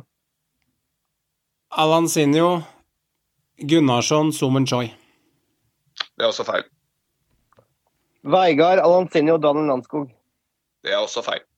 Ja, det var for Er det, Ja, er det Casey Keller? Casey Keller? Det er Kel er- Keller. Christian Keller. Det er Anansinho, Christian Keller og Nanskog. Fordi han er nemlig årets eh, spiller av Stabæk-fansen 2008. Ja, ja. Det er en skjult info som mange ikke veit. Han var veldig syk. Men by the way, Casey Keller, det er han gamle keeperen til Leicester, husker du? Ja, så det er Christian Keller. Ja, Ikke jeg Christian sier Keller. Jeg mener Christian Keller, da. Ja, ja, greit. greit, greit. Vi kalte han for Killer Keller. Killer Keller. Okay, Killer Keller. Meran, du har en til. Skal du, du Meget har til. Vi kjører tre spørsmål nå. Ja, Så ja, nå- da- da- Underprata spillere, Håvard. Kjører du samme. Stabæk. Ja, Søren at jeg ikke fikk 500, altså. Ja. Men den her bør du kunne ta. Ja. Uh, jeg skal ha antall og navn på alle trenerne de har hatt siden 2010. OK. Jan Jønsson 2010. Jørgen Lennartson i 2011. Petter Belsvik i 2012 og 13. Bob Bradley i 2014 og 15. Scott Billy Shit McKinley i 2016. Tony Ordinas i 2017. Henning Berg eh, deretter. Henning Berg, Henning Berg. Han dro. Pappa kom hjem. Pappa dro. Guttungen kom. Eirik Kjøne. OK. Fikk du med alt nå? Jeg fikk Jeg fikk riktig nå. Du Ja. fikk det. Jeg, jeg, Det liker bra, hvor, jeg, jeg liker hvor kontroll du har på den rekka der. Ja, Og ja, det, full kontroll. full kontroll. det Det var uh, stålkontroll. Jeg likte veldig godt at du, du nevnte 'pappa kom hjem'. Det, det, det er alt vi har tenkt. Hei, Johan, vet du hva det beste er? I svaret så står det Lennart Belsvik, Bob, Billy Ordinas Berg, pappa Kjøne. Ja, okay. Nei, jeg Pappa jeg kom hjem, og pappa dro, og guttungen kom. Sønnen. det er ikke sønn engang. Han er sånn- Han var stesønn. Han slemme stesønnen. Johan, din tur. Ja, bra, Merando. Bra. Eh, hva er det du har igjen på random? Eh, du har random stadior og den har rett ut. Random er borte nå. mottatt. Da har du stadior. Stadion mangler, Og hvilken klubb mangler, som er Hva utover er det. på RBK? Eller RBK borte? Hvilken klubb? er? RBK er ute. Nei, alle er utenom 300 er igjen. Greit. Hvil, hvil, hvil- hvilken, hvil, hvilken klubb er litt spennende? Hvilken klubb mangler? Ja, prøv den. 100, 200 og 500. 200. Ok. Slatko Tripic. Egersund. Molde. Spørsmålstegn. Greuter Furt. Sheriff Tiraspol. Viking. Gustepe. og Viking. Jeg har den her, Meran, så jeg kan svare hvis du ja, bommer. Det er spørsmålstegnet på nummer tre der du skal ha meg, har jeg forstått det riktig? Etter Molde, før Greuter Furt. Nei, jeg har den ikke, jeg husker ikke. Um, jeg må bare skyte ut en klubb. Da skyter vi ut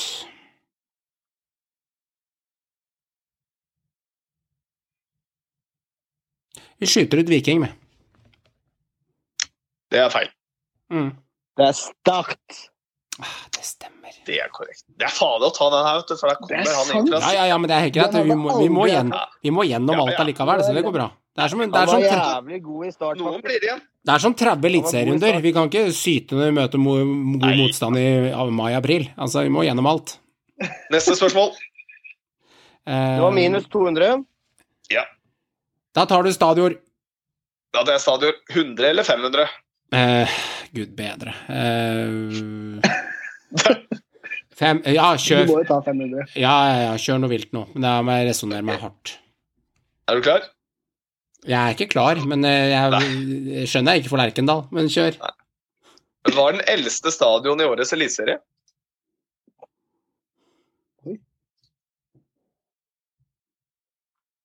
Da mener du eldst satt opp i Eliteserien når den kom til Eliteserien, liksom? Eller Nei.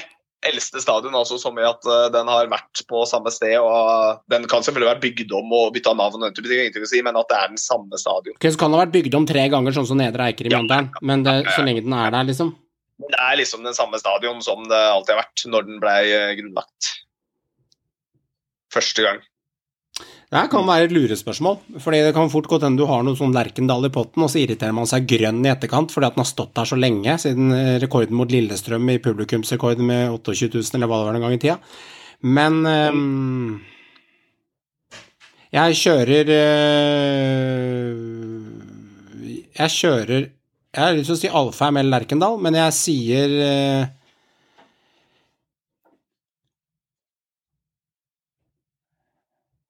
Jeg sier Alfheim, jeg. Det er feil. Meran Åråsen. Feil. Eh, jeg sier uh, Aspmyra. Det er også feil. Det er faktisk Haugesund stadion. Fra 1920. Det er Den har stått der i litt over 100 år. Oi, oi, oi. Var det araberne som bygde den? Ja, det var det. Det var, det var for... de, det var arabere som kom med båt til Haugesund. Det er voldsomt. Ja, Yes. Siste. hva er det du har igjen, da? Uh, nei, det er jo Brann og har fremdeles igjen på Stabekk og Rosenborg Har du Brann nå? stadion. Brann uh, har jo kommet inn nå sammen med Stabekk, vet du.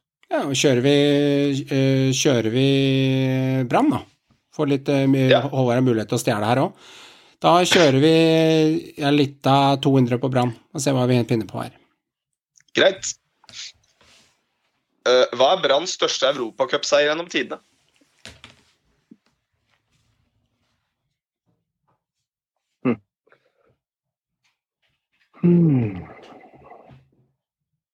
Ja. Enten er det noe sånn 70-tallsskit som vi hadde for noen runder siden, med sånn lyn som drev med noe greier, eller så er det faktisk et reelt resultat som vi faktisk Det er husker. 200, da.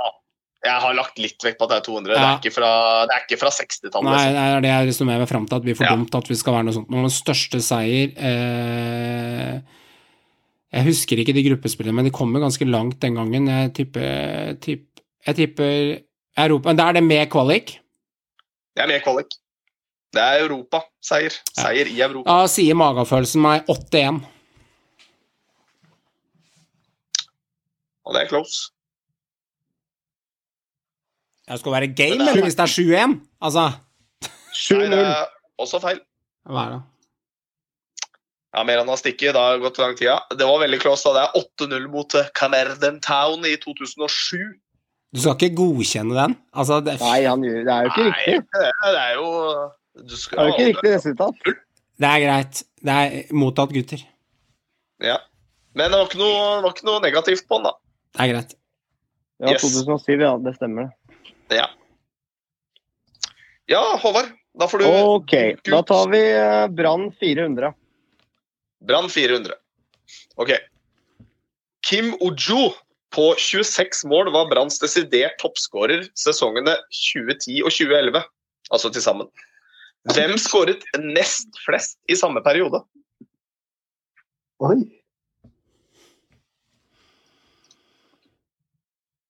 Ja.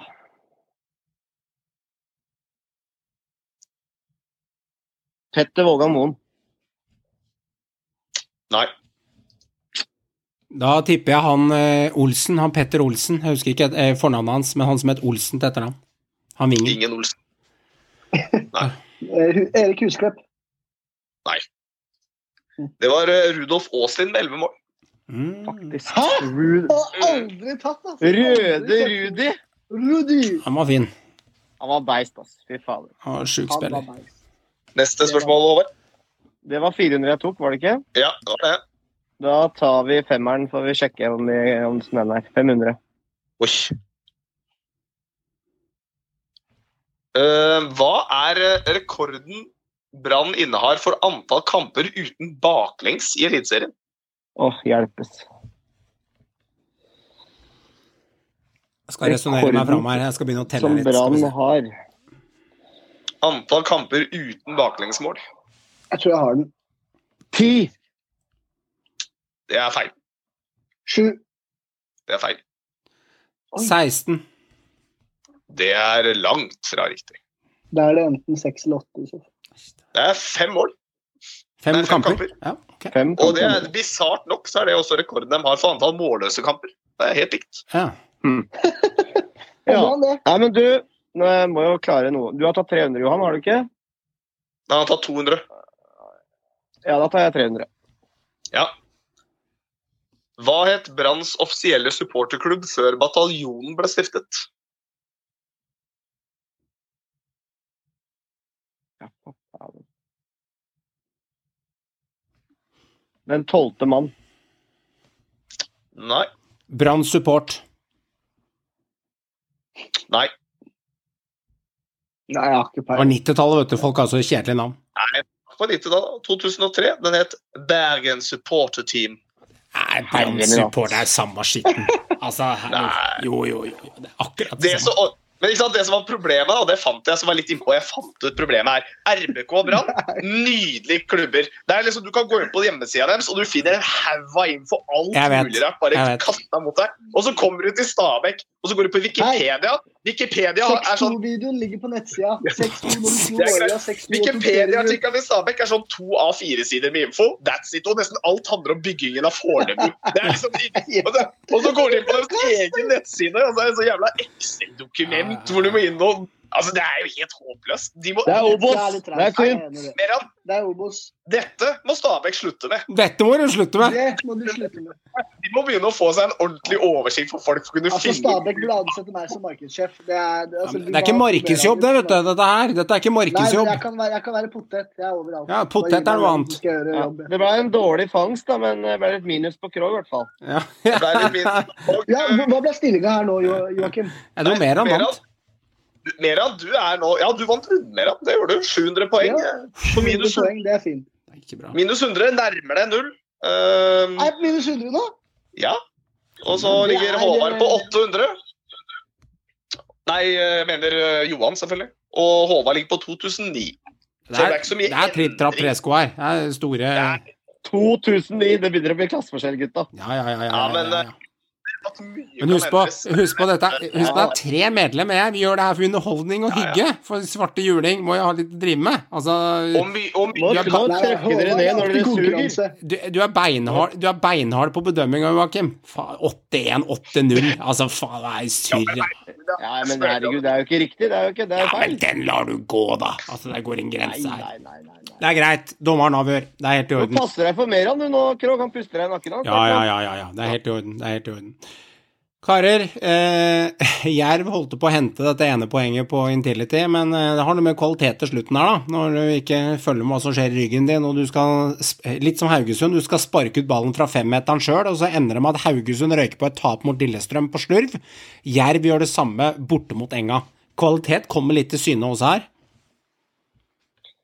Ja, det kan man jo godt si, men jeg må, jeg må jo innrømme at eh, altså når du byr opp, holdt jeg på å si, fest. Du skal spille mot et nyopprykka lag som er nederlagsdømt over hele linja.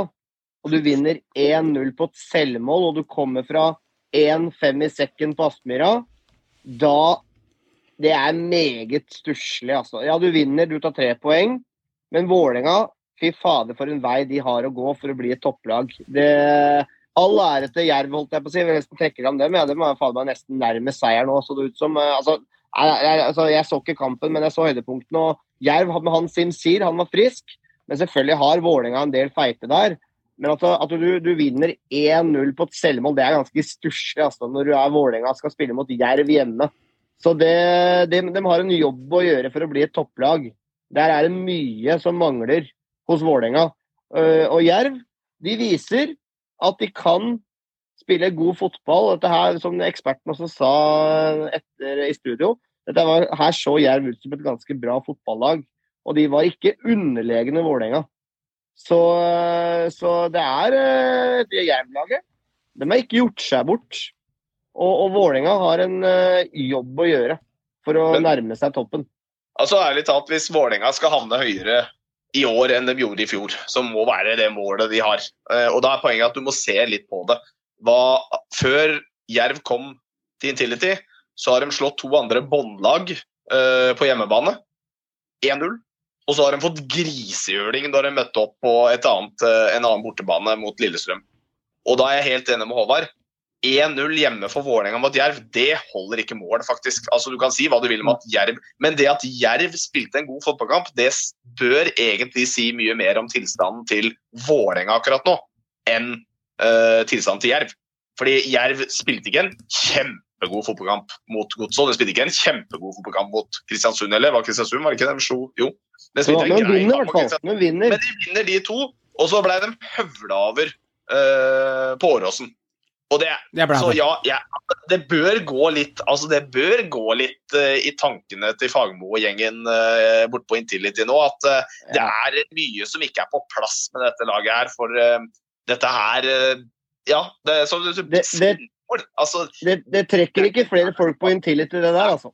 det gjør ikke det. Nei, Det det, er fungerer jo ikke offensivt. Altså, det er for store ledd mellom den, den, den, den trioen foran der. Og på død og liv så skal de skjære inn hver eneste gang, og de mater ikke spissene. Det er tørt å se på, de får det ikke til. Og de må knekke en del koder, og det er på tide å gjøre det kjapt. For fortsetter de sånn, da er det som de sier, da er du et sjuendeplasslag. Og så må jeg også si at eh, Aron Dønnem, det var kult når han kommer hjem og liksom skal restarte og nesten Det virker som at nå er det superstjerner som kommer tilbake til ligaen. Han har ikke vist en dritt etter han kom tilbake. Han har fikk fått et rødt kort. Det er det han har eh, prestert. Han har en lang vei til fjorårsformen. Og du, og du merkes at han har sittet en del på benk og ikke er i toppform. Kjartansson har kommet helt OK i gang, men det hjelper lite når han ikke blir servert noe særlig heller. Det er mye sånn litt like fotballspillere som er litt sånn Verken fugl eller fisk, holdt jeg på å si. Det er, det er en helt, et helt OK lag, men de har, de har store mangler for å skulle være et lag som skal melde seg på i toppen. De er ikke i nærheten av det. Men, men de har seks poeng, og Lillestrøm, som er erkerivalen, har ti. Og vi skryter jo av Lillestrøm som at de har vunnet cupfinalen allerede og er helt ville. Og det, det er berettiget og greit, men det er fire poeng fra å sette ut ræva ut til at du er ligaens ligaleder. De holder Ja, egentlig de fire poeng spilt fire kamper, da. Ja, ja, ja, men, men de gjør det for å for ta, gi Enga litt kred. da. De, de, de tar den seieren De her. har tatt med seg poenget. De tok med seg poenget. Det er to uker til neste gang. Det kan fort eh, mekke og skru litt med Max Mekker her nå, så ordner det seg likevel. Så jeg prøver å tenke litt sånn De kunne stått igjen med ett poeng her og hatt fire poeng, og det hadde vært ganske kjipt å gå inn i femte runde med det. Men nå har de seks, og de har los. Lillestrøm taper kanskje mot Glimt. Vålerenga vinner. Ja, da er de nesten likt, da. Så jeg prøver å tenke at det er, det er jo ikke Det er bare fire poeng bak å lede ligaen. Så jeg Men syns må se litt på spillet de leverer, da. ja, det er jeg enig i, og det, det, Det det, er for forstår, det, det, det forstår jeg, at vi må se på spillet og tenke at det har gått fire runder, og ganger du opp det med 4, 8, 12, 16, så blir poengene mye. Men klart, de berger akkurat poengmessig, da, hvis vi skal tenke, se det litt med positive øyne her, versus hvor elendig de har sett ut. Ja, det kan du godt si, men det er- det er litt som du må si på spillet. Ja. Og så må du også se på hvem de har møtt. De seks poengene Enga har fått, er på hjemmebane mot Jerv og Haugesund. Ja. Og Haugesund var også en slite, var ikke en ren seier der.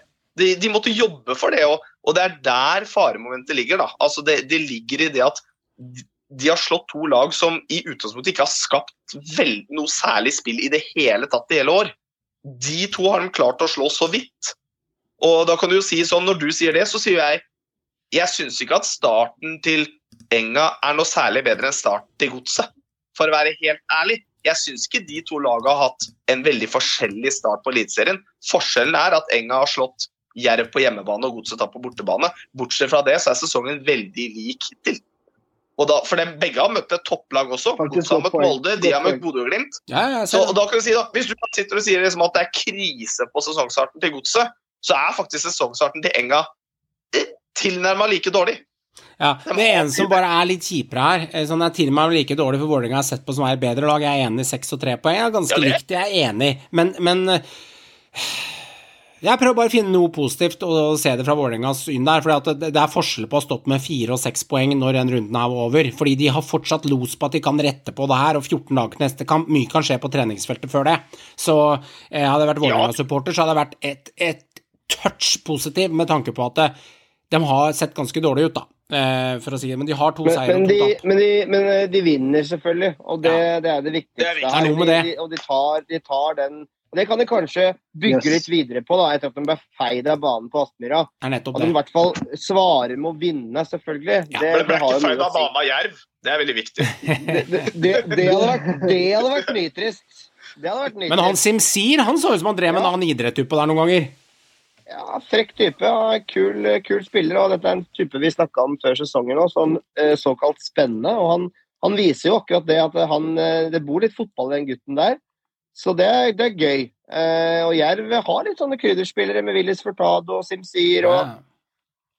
Hustad fader ikke langt unna før han putter eh, der i går heller, altså. Så Nei, nei, så Jerv-laget Ja, det, hvem skal rykke ned i år, altså? Det, det, Ja, det, det, det blir spennende å Helt enig. Jeg, gleder, jeg, jeg gleder meg til 15. serierunde midt i sesongen. Nei, altså, da er jeg jeg er spent på hvordan det ser ut. ikke sikker på noen ting, jeg. Jeg er ikke sikker på noen ting, Nei, jeg. det er jeg ikke det lett å være sikker på noe som helst med den ligaen her. Nei, det er så ekkelt. Det var kjedelig å se RBK mot Molde. Jeg syns ikke det var all verden å eh, hive hud og hår i taket for heller. Men klart, Molde har en to-tre feite. Rosenborg har en to-tre også, også der, så det kan plutselig gå begge veier. Eh, 0-0. Jeg syns resultatet av kampen jeg lyver litt. Begge lagene burde kanskje scora. Eh, ingen tvil om at, eh, om at eh, det er litt diskusjoner rundt den scoringen som eh, Linnes setter inn der, men jeg hører at, eh, at eh, Mo, Erling Moe hadde spurt dommeren, og dommeren legger det på deflection, at eh, det, det er ikke meningen i det hele tatt. Det er tydeligvis en regel. Det er ikke meningen i det hele tatt at ballen skal gå fra Bjørke, Bjørkeheie og inn til Linnes, for det er ikke en bevisst handling fra han, det med sparka i hans fot og inn, så en deflection gjør at man kan bruke det i regelboka, som gjør at den blir avblåst for offside der. Men det var en kamp som Jeg syns den var mer spennende med den nerva som var i matchen, Håvard, enn at det ble 0-0. Det må jeg si. Eh, For da var muligheter der begge veier.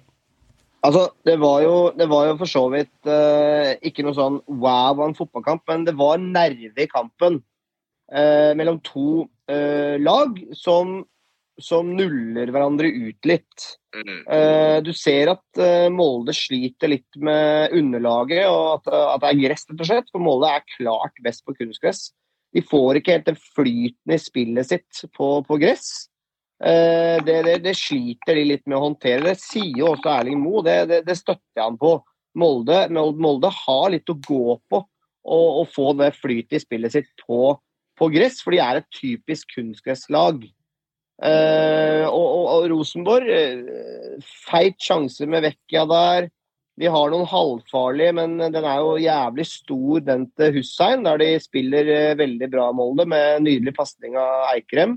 Og Det er jo sånn, litt, litt sånn hipp som happ om den eh, går inn, men det er bra blokkering av Reitan. Eh, men litt skuffende men når de byr opp til fest på Lerkendal med masse publikum, og så blir det 0-0, liksom. Det er litt sånn antiklimaks. Men, men det var nerve og spenning i kampen.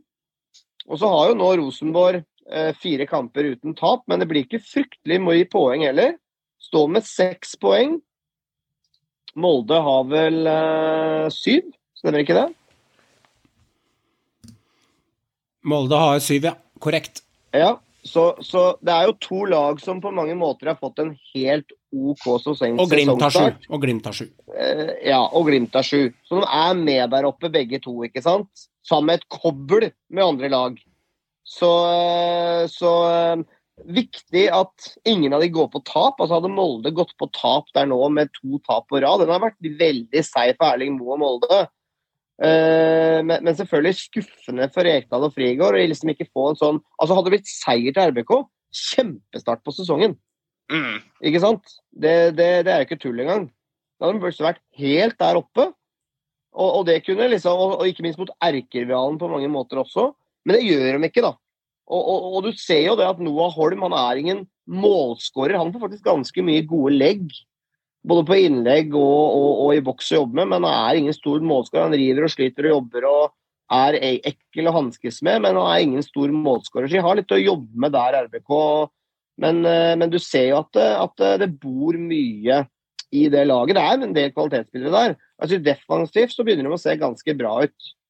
Men, eh, men Molde det, det, det synes at de mangler en klar spiss som OI var. Og det har vi vært, Mm. uh, eh, har vi vært uh, bekymra for. Hvordan det skal fungere for dem. Og, og akkurat nå så, så er de et hakk under det de var i fjor, altså.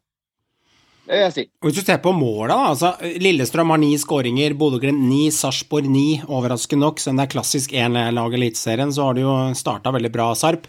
Molde har skåra fem, Rosenborg har skåra fire. Altså, Rosenborg mangler spiss. Noah Holm han kikker ned i bakken, skulle tro det er Lioncupen i 1997. Altså, Han er en bra spiller, det er ikke noe gærent i det, men han kikker så mye ned i bakken og løper med ball. Han er teknisk finesse og alt det der. Han kommer til en to-tre feite legg der med taksetten, og han har en virkelig god hodespiller. Holmbert der, for eksempel, hadde dunka en av de i buret. Jeg syns han mangler den lille roen og oversikten til å være en toppspiss i Eliteserien, Noah Holm. Eh, Og Molde, som Håvard sier, jeg stusser jo litt da når Eiker en spiller hengende spiss, midtspiss. Eh, Jeg syns det er merkelig eh, at eh, Molde også må få på plass en spiss, ellers så kommer ikke det her til å holde hele tiden. Ja, det er jeg enig, er med deg. i. De mangler en spiss. Eh, Rosenborg har spisser, men de fungerer ikke optimalt. Men måten Molde spiller på, det er jo City-inspirert med en sånn falsk nierspiss. Eh, og, og flere lag spiller jo sånn nå, men, men eh, Du må være god til å mestre det òg, da. De, de har en vei å gå for å liksom være helt der oppe på Ja, ja. faktisk på Viking- og Glimt-nivå akkurat nå, altså. Ja, ja. Gutta, vi må ta opp den årlige elefanten faktisk. eh, i rommet. Den årlige elefanten i rommet. Igjen, den dømminga her. altså. Nå er jeg drittlei. Dømminga, ja. Jeg er glad det er det, jeg er glad det, er det siste året nå før VAR. Fordi okay. nå, nå, nå er det sånn om du nesten har gitt opp til dommerne. Og trener dem i det hele tatt. Før de skal dømme en kamp. Og så er det bare å møte opp og få betalt. Er det bredde, liksom? Noen ganger så stiller jeg meg disse spørsmålene fordi jeg ser aldri en utvikling på disse dommerne her. Det er så mye rart, og nå ser jeg de, de hedrer da Saggi for at han er den yngste dommeren som skal dømme en cupfinale. Ja, han er kult, men er den beste? Altså, Hvem er den beste dommeren i Norge nå? Det skjer så mye rart. Det skjedde mye rart i kampen her òg. Ja, det gjør det. Og jeg syns Rekdal sier det ganske bra etter kampen. Ja. Og dette er tydelig at både spillere og trenere stort sett ønsker det her. Og ja, vi som fans vi er del, litt delte. Vi har fått litt tyn for at vi snakker varmt om både kunstgressetider og, og VAR. Men når du ser da hvor mye feil som er i kampene, eh, hvor mye det preger kamper og resultater, Hver så er det kanskje ikke noe vei utenom eh, VAR, da. Altså, og, og Rekdal sier det. Neste år slipper vi det her, for da har vi VAR på plass. Og Ja. eh, det er kanskje det For å følge utviklinga i resten av Europa, så kanskje det er det som eh, må til for at det skal bli eh, en eh, kvalitetsheving da, på dømming osv. Ja, så, Han må altså, det skifte til. Sorry, Sorry Joakim, bare sjøl. Ja, ja, nei, men det, jeg bare, altså, jeg bare, jeg gidder ikke å legge inn masse nytt, for jeg er egentlig i all hovedsak enig. og jeg bare tenker altså, Det er greit at du kan ha dine motforestillinger om, om, hvor, om de er gode nok til å bruke VAR, den type ting, men poenget er veldig enkelt. Det blir ikke dårligere med VAV. Nei, VAR. Det blir ikke dårligere med VAR. Altså, det sier jo seg selv, og jeg er helt enig med Meran. Altså, før har jeg syntes det har vært litt sånn Meran har vært litt hard på dette her til tider, Synes jeg egentlig før. Det har vært mye rart mange ganger å si, ja, men i år så syns jeg det har vært, liksom vært altså Jeg synes det har vært det verste jeg noen gang har sett. altså Det er liksom ikke en kamp jeg har sett utenom at dommerne har gjort et eller annet Dommere har gjort et, en rar feil, eller holdt Tenk deg Obos, da. eller så vidt blitt redda av en fjerdedommer, så vidt blitt redda av en midtdommer på over, åpenbare feil. Og så jeg er helt enig. altså, Det er egentlig bare å legge det helt, altså det er bare å legge det dødt uansett, for det kommer, men legg det dødt, da. Det blir ikke verre. Det kan umulig bli verre. Så enkelt er det. Tore, Tore Hansen i toppkampen i Stavanger også gjør eh, klare feil, ja, begge, vei, be, klare feil begge veier. På begge lag, egentlig. Det, skal, det skulle aldri vært kort til Boniface. Saltnes skulle hatt rødt. Flere stygge han, kampleder. altså, Så lista, lista den kampen blir lagt for høyt. Da. Det er mye stygge episoder som Mm. vi skulle slått ned, hardere ned på. Arne Sandstø slakter dømminga i, i Ja. Vålerenga-Jerv. Kaller det Obos-nivå. Eh, Han mener sikkert lavere. Han mener sikkert lavere. Ja, ja. Men poenget er at eh, det er for svakt, da. Eh, for gi de dommerne mer verktøy da, å jobbe med, så kanskje det blir bedre. Men vet du hva, Terje Hauge, hvis jeg hadde vist Altså, i min jobb, da, det er veldig prestasjonspreget. Hvis jeg hadde levert like dårlige resultater som Terje Hauge har gjort, i forhold til utvikling, så hadde jeg fått sparken for lenge siden. Jeg vil bare legge der ute, og så vil jeg bare nevne det. For nå har det pågått i ti år. Mm. Enig. Eh, Det, det er frustrerende, og jeg er enig i at det er frustrerende. Men det, det er ingen av Molde eller Rosenborg som reiv av hesten i den kampen. Det virker som begge var, eh, Nei, begge var nervøse for å tape de poenga. Eh, Rosenborg, de eh, Ja, har jo blitt Jeg føler de null, nulla hverandre, altså. Nå er vi tre uavgjorte. Det er mest i ligaen. Nestemann HamKam har to, og resten har én. Så Rosenborg er uavgjortspesialisten, de. Altså, jeg er ikke interessert i å sitte som fan og bli den der som sitter og eh, Rosenborg skal bli spesialist på uavgjort og 1-1 og 0-0. Altså, dette er ikke det jeg kjøper billett for. Det er alt jeg har å si om den saken. Så veit vi hva som skjer i august hvis ikke det her løses opp i. Ferdig snakka. Sarp, Ja, det, vil, det vil ta tid. vil, ja, ja, men du skal ha. Ja, ja, ja. Du kan snakke om å bruke tid, jeg forstår det, men du har brukt fire-fem måneder, og hvis ikke du leverer da, så er du ferdig i august. Og det står jeg feite meg inne for enda. Da er du ferdig i august. Og du kan mene og synse og si og utvikling og hei og hå. Det går en grense. Ferdig. Det er så enkelt, er, så enkelt er det. Det er en liten miniøks der, og jeg står for at august er Rekdal ferdig, er min bedømmelse av det, og så får de, de som har lyst til å spille det glade spill, og diske opp med whisky og båtlivet og levere 5-1 på Lerkendal, da får dere motbevise meg hele gjengen, og mene at jeg har feil. Akkurat nå så står det poenget, og det står fjellstøtt som gallepiggen.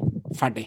Eh, Jeg er ikke enig i det. eh, fordi Ja, du er ikke enig at hvis forventet- Rosenborg spiller uavgjort i tre av fire kamper fram til august, så er Rekdal ferdig? Det- Nei, men jeg er, ikke, jeg er ikke enig. Du kan ikke forvente fem menn på Lerkendal. Nei, men det jeg prøver å formidle, hvis de hvor, har dere vært, hvor har dere vært de siste årene? Men Håvard, hvis Det fort, hvis det fortsetter som det her ikke sett ut. Hvis det fortsetter som det her, så er Rosenborg 32 poeng bak og havner på niendeplass i Eliteserien 16. august. Tror du at Rekdal sitter da, hvis vi har en niendeplass 16. august 2022, hvis dette fortsetter? Ærlig. Nei, da, da, hvis, dere ligger, hvis dere ligger midt på tabellen og under, Mi- under vi er der, så to da- plasser da lever- eh, under midten. Vi har to Men, plasser. er men, når du, men når du ser på tabellen, jeg har spilt fire kamper Ja, Dere har, dere har seks poeng. Det er Ja. fire opp til toppen. ja. Så, så det, er, det, er, det er tidlig å felle noe dom, men selvfølgelig må du begynne å vinne kamper. Det, det, det sier seg sjøl. Det det, er jeg enig i, men må- hvis du har spilt fire kamper, hvor mange poeng er du bak hvis du har spilt 16 da? Du er fire poeng bak nå? nå, nå snakka du nettopp om lag som er rett bak med Vålerenga opp til Lillestrøm. Ja, men de har helt Så- så andre i forutsetninger. samme båt. Ja, men, ja, men det, det kreves mer. Det kreves mye, mye mer Rekdal her nå enn det kreves av Fagermo, det er jeg ganske sikker på. Får han den sjette-sjuendeplass, Ja, men du må se hvor de har vært de siste årene. Ja. De endte på femteplass i fjor. Enig, enig, men Håvard, her leverer vi ikke poeng, og her leverer vi ikke spill. Og hvis ikke leverer poeng og spill Spillet har vel ikke vært så gærent? Ja, det har vært ganske ja, Mange Dere har ikke sjanser tatt på fire kamper. Ja, men det laget produserer jo ikke- season Det laget uten å vinne så mye som Men de produserer jo ikke sjanser. De produserer jo ikke noe overtall i noen ting. De eier ikke noen av fotballkampene. Det ser ut som de legger seg i ramma og er bøtte trygge. Jeg er uenig. Jeg syns ikke Rosenborg ser så halvgæren ut, men de, de, de sliter med å avgjøre kamper. Hvis de, hvis de ligger eh, etter 16 runder, da, det er halvspilt serie, og det fortsetter som det her, så kommer de til å ligge 16 poeng bak etter halvspilt serie. da skal jeg slite med å se en trener i Trondheim overleve med 16 poeng bak toppen og ligge på niendeplass i august. Men det er vi alle enige om. Ja, men da er- da er vi enige, da. Men, men poenget er at det, jeg tror at, at eh, når vi kommer ut i uh, midtveis der, så tror jeg ikke at RBK er så fryktelig langt bak toppen, og at de kan kjempe om medaljer. Det er ikke noe annet som man kan Det er ikke noe gullag i Trondheim. Nei, Det skjønner de fleste som har peiling på fotball. det skjønner alle. At det laget der skal plutselig gå opp og ta gull. Da, da tror du på julenissen. De har endt utafor medaljekamp de siste åra.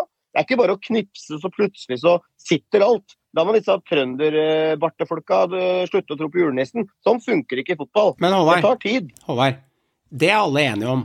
Det er ikke vits å gjenta deg selv fra 2021-sesongen, for dette er alle enige om. Men vi, det, du gjentar deg selv. Jeg Nei, gjentar jeg nevner, jeg nevner bare at hvis RBK, ikke, hvis RBK fortsetter i samme sporet fram til august måned, så varer ikke det her prosjektet lenge. For de har én seier Jeg på fire kamper. Eh. Jeg skjønner hva du tror, tror, at de kan få vann på mølla og sånn, men jeg sier bare hvis de er i samme sko når vi kommer til august, og ligger 16-20 poeng bak toppen, og ligger der de ligger nå, klarer ikke å prege kamper Men dette trenger du ikke å argumentere for, for dette skjønner jo alle hvis de er på det nivået. Ja, ja. Det er bra. Det, er, det tror jeg, det tror, det tror jeg ikke de, de gjør, da. Det Men, eh, det nei. får vi se. det får vi se. Jeg hørte at du var enig hvis de er på samme nivå. Det er godt du er enig. Sarp derimot har ikke tenkt å være på dette nivået, for at eh, de har begynt serien jæklig bra. Altså, Det er ikke bare å sette fem kasser borte mot Tromsø, altså uavhengig om Tromsø ikke er ligaens beste hjemmelag. Det er sterkt, altså. Altså, Guillermo Molins, Linseth, de gutta der, Heinze, de er i gang nå. ass. De er morsomme å se på. Jeg syns de spiller bra fotball, bra offensiv fotball. Skikkelig punch powerplay. Og Molær på topp. Jeg har kalt den Molær så mye nå at nå, det er det han heter for meg nå. Ja, ja. Men han er så god når han er i den formen han er i og ikke sliter med skader. Han er helt vill ass, på topp. Han, det er som han tar stor plass og tar over hele spillet. De kan lene seg på han spillmessig og få ballen igjen. Altså, han, han spiller på så mange strenger. Han imponerer meg. Det må jeg si. Eh, jeg vil trekke fram uh, Mollins, var god han eh, med mål og, og assist. Men eh, Mikkel Maigård han begynner jo å se ut som uh, sitt, holdt jeg på å si, gamle jeg. I, Ja. Når han var på sitt beste i godset. Altså, Ja. han skårer vel uh, to mål. Uh, Linseth vet vi er god. Tobias Mm. Heinz har kommet bra i gang. Anton Saletros ser ut som en million. Han har også fått Ja. en veldig god makker med mm, Serge Junior. andre svensken som han spiller sammen med der. Og, og, og eh, nei, Sarp har rett og slett tatt veldig steg. Eh, Stefan Billborn har kommet inn på en veldig veldig bra måte og ser ut som de har truffet veldig på ansettelsen. Eh, altså Sarp eh, er blitt et mye bedre lag, lag, rett og slett, og de har mange strenger å spille på. Eh, og, og Mollins er viktig, ja, men de har også mye flere eh, offensive bidrag i det laget der. Og klarer å snurpe sammen ganske bra defensivt òg. Så det laget der, er, hvordan den sesongen ender, det, det er faen meg ikke godt å si. Altså, det, jeg klarer ikke helt å se at dem sprekker så voldsomt heller. Nei, det er det. Virker som de hadde en plan da, når Bohin måtte gå der, når de hadde lyst til å legge om litt, og fikk den en svenske til. Folk har vært litt kritiske til svenske trenere i ligaen, for det er en helt annen måte å spille på. Men han luringen her, han ser ut som han har fått vann på mølla, den gamle Vecchia-treneren. Ja, de ser jo ut sånn som de gjorde. Jeg håper å si, dette jo, De var jo klar tekst nå, da, at de skulle bli altså de skulle bli som Sarpsborg var. altså Sarpsborg Når de var på vei ut i Europa og når de på en måte var et lag som egentlig liksom lå og vaka i toppen et par sesonger der og var liksom med. Ikke i toppen-toppen, men liksom lå liksom rett bak der og spilte underholdende fotball. Eh, Og det er det som, det, og det virker som de får til. De spiller jo underholdende fotball. Det er mye mål. det er eh, de er i fyr og flamme, og de leverer i de fleste kampene. og Spillerne virker veldig trygge, og, trygge på det mønsteret de skal spille i. Eh, Så sånn sett så Back to the roots. sånn ser det Sarpsborg-laget er farlig ut. For laget i seg selv er ganske bredt og ganske godt. Og hvis det det det. laget klarer å finne en, ha en god filosofi som de kan stelle seg bak, så er det ikke så mange lag i Eliteserien som har en bredere eh, tropp med i hvert fall jevngode, habile fotballspillere da, i Eliteserien. Det Mm. syns jeg ikke det er. Så det er et veldig spennende lag. det, er et ankepunkt, men som jeg snakka om før med Mollins. Eh, hvis han blir skada, da, da er eh, erstatterne dessverre ikke på samme nivå. Han binder opp mye, han er viktig i det offensive der. Og, eh, da blir det fort Christian Fardal Opseth som, som starter. Han er jo så helt OK, selvfølgelig, men, men eh, det er viktig at de holder den elveren de har nå, nå i gang. Og de har et bra momentum nå, Sarp. Og jeg eh, føler meg litt trygg på at de får en ganske god sesong. Om det blir liksom helt der oppe, det er jeg ikke så sikker på, men betraktelig bedre enn de siste årene, i hvert fall. Gutter, Obos-hjørnet, hvordan står det til? Tetter seg til. Sogndal begynner å melde seg på, de tuller ikke de heller. Nei, det er flere lag som melder seg på nå. Du kan jo begynne du med han i dag, med Obos. Ja, Hjørnet. Vingen i Sogndal var bra, når det kommer til han etterpå. Jo da. Nei, det er ikke så mye å melde fra Stabæks side. Gikk på et uh, surt tap i dag mot Sandnes er Elendig bane. Uh, ingenting fungerte. Sandnes Sandnes Ulf kontra, skåra var vel strengt tatt det de fikk. og Nådde du så ræva ut nummer én? Ja, elendig. Elendig. Den, den gressmatta er malt grønn. Det der er bare ljug. Den ser fin ut. Det er søppel. Det er en åker. Det er derfor vi ikke klarer Altså, Vi har spilt 180 minutter hjemme. Vi har ikke skåra et eneste mål. Det går ikke an å spille der. Vi skårer alle målene våre borte. vi. Det er der vi vinner òg. Brannfakkel. Hadde det kanskje vært eh, bedre å hatt eh, kunstgress på Vi skal jo ha kunstgress på nye Nadderud, da. Vi skal jo ikke ha naturgress. ja, altså, Jeg er ikke noen sånn stor forkjemper av kunstgress kontra gress, men altså, jeg mener helt ærlig at det, det er bedre å ha en god kunstgressbane enn en elendig gress, gressmatte. Ja, den er forferdelig, og den preger, den preger spillet vårt. Da. Men samtidig så veit vi jo at banen er ræva. Hvorfor stiller vi ikke opp taktisk deretter heller? Hvorfor da Hvorfor har vi f.eks. ikke to lange inn fra start? Hvorfor har vi ikke Asemi inn fra start? Hvor vi, må litt, hvor vi får litt tyngde på topp, da. Istedenfor å stille med to dverger på topp. Det, det forstår jeg bare ikke mot Sandnes Ulf. Men sånn er det. Vi, vi, vi, må, vi må regne med litt tap på veien. Eh, og så Og så så skal vi vinne i neste kamp. Sånn er det bare. Vi Det er tett og jevnt.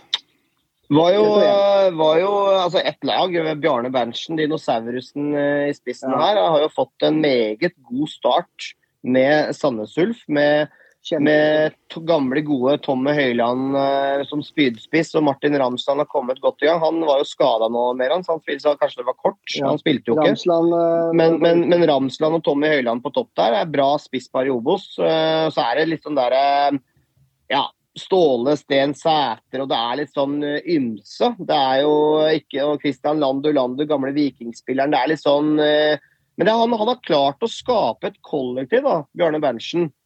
Eh, Et lag som nå har faktisk gått har fire strake seire. ja, de er gode Så, så, så det er et lag som virkelig melder seg på eh, der oppe. De brune som nå var tilbake til den brune, stygge drakta. Men Det er heller det alle dager i uka. Den derre halvveis Kiwi Er Får ikke bestemt brun drakt. seg? Nei, Jo, nå er de tilbake. Dette var gimmick, vet du. Nå er de tilbake til den brune. Nå er Gimmick? Det ferdig. Nå er det er de ferdig. ferdig. De hørte, de hørte på oss. De slutta Ja, med det. på De slutta Vegard med det. Hansen, Vegard Hansen, fast lytter. Han hørte på oss. Ja. Det er bra, Eh, Vegard. men i hvert fall, nå er de tilbake til den uh, brune Jeg tviler på at han er fast lytter. Han er ikke fast lytter. Ja, det, Han er fastlytter. det var, Ok. det var, det er, hvis han er smart, så er han det. Okay. Men Han eh, Hei, de, brune, de brune vinner, og de melder seg på. Slår Fredrikstad. Klassemål av Jokke Solberg, som fortsatt har en god venstrefot.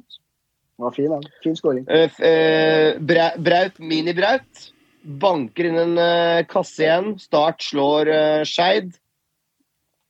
Eh, Skeid taper 3-2 igjen. igjen. Så, Igjen. så stakkars eh, gutta fra Nordre Åsen. Men, eh, Er det tredje del kampen? Ja, tredje det var- tredje kampen. Er det ikke det? Skeid har vel, eh, har vel null Tredje poeng. vel, kampen, så de taper 3-2. Brann, Stabæk og nå Start. Det begynner, det begynner å utkrystallisere seg lag i toppen, som vi har eh, nevnt før sesongstart. Og det er jo da en fem-seks lag som vi, Ja. som vi har, eh, har snakket om, som kan være med der oppe. Brann har jo fått en OK start også med to seire, to avgjort, men ikke Ja. vunnet da på, på hjemmebane. og bydde opp til fest og dra hjem uten eh, jackpot. Så det, så det er eh, kjipt. Men, men eh, jeg vil jo hylle Brann-fansen som eh, lager en vanvittig ramme i Obos. Det er gøy å se. Men jeg må innrømme, Johan, du nevnte han Ørjasæter på Sogndal. Mm. Brekk, spennende ving. Veldig god. Jeg må innrømme at Sogndal eh, har tatt steg under Flo. De spilte bra fotball til tider. Og også et lag som er med helt der oppe. Kan kanskje ikke se bort ifra at dem fader meg kan melde seg på, dem også. Ja, for du nevnte for undersynet runder siden at du hadde ikke så trua på de, men nå plutselig er de der. Nei, men det ble feid av banen av Brann i preseason. Jeg 4-0 vant Brann. Eh, nå, nå var det jevnt. Ja, ja, ja. Det var veldig jevnt. Men jeg, jeg må innrømme at eh, Og nok en gang dommer, altså. Men uh, dette er Obos, da kanskje vi faen ikke forventer noe annet. Men Nei, der forventer vi ikke noe annet. Der er det jalla. Det, Nei, det er men det er frustrerende som fan. da, ikke sant? Mathias Rasmussen blir vist ut for to gule kort. Ja. Er klart på ball og får eh, sitt andre gule kort og må gå i dusjen. Og da snur kampen, da snur momentum i kampen. Brann har egentlig ganske god kontroll etter at eh, Vegard Leikvoll Moberg skårer i andre kamp på rad. Begynner å bli en litt sånn helt han nå i, i byen og virkelig, virkelig eh, har presentert seg for Brann-fansen. Eh, men så kommer det der eh, typiske, da. Eh, når, når du er ti mann og får Sogndal én sjanse, og så setter de Ja, ja. Så det, det er bittert. Det er bittert, men det er veldig veldig tett og jevnt i, i Obos. Og mange, mange mange lag som melder seg på der oppe. Og det kommer til å bli et rotterace hele tiden, altså. Men det, er to, det, er to som går, det, det er to som går direkte opp, som det alltid er. Ja. Sandnes Ulf og Mjøndalen akkurat nå. Men det er fire poeng for Brann opp til å lede den ligaen her. Altså, De skal ikke surre så mye her, fordi det interessante er at det, KFM, Sogndal, Start, Stabæk, Ranheim, Fredrikstad eh, Fredrikstad litt lenger ned, men du, du har altså, Hvis du begynner med det Og kvalikfaenskapet Start, ikke minst. ja, ikke sant? Og når du begynner med dette kvalikfaenskapet når folk skal møte hverandre av de fire, Nei. fem, seks laga, det er alltid et mareritt. Det, det som er, ja, du, du har ikke råd til å egentlig tape sånne kamper. Eh, jeg vil si, si nesten tape, da, når du, når, du, når du ikke vinner. Mot Åsane hjemme, lokalderby, og mot Sogndal, som også Ja, ja. på mange måter er et derby. Du må klare å bikke de der eh, kampene der. Og, og ja, gress, gressmatta på Brann stadion ser grønn og fin ut, men den er ikke veldig bra, den heller. Nei. På denne tida av året, dessverre. Nei. Og det lider Brann litt under av. De ser mye bedre ut på kunstgress.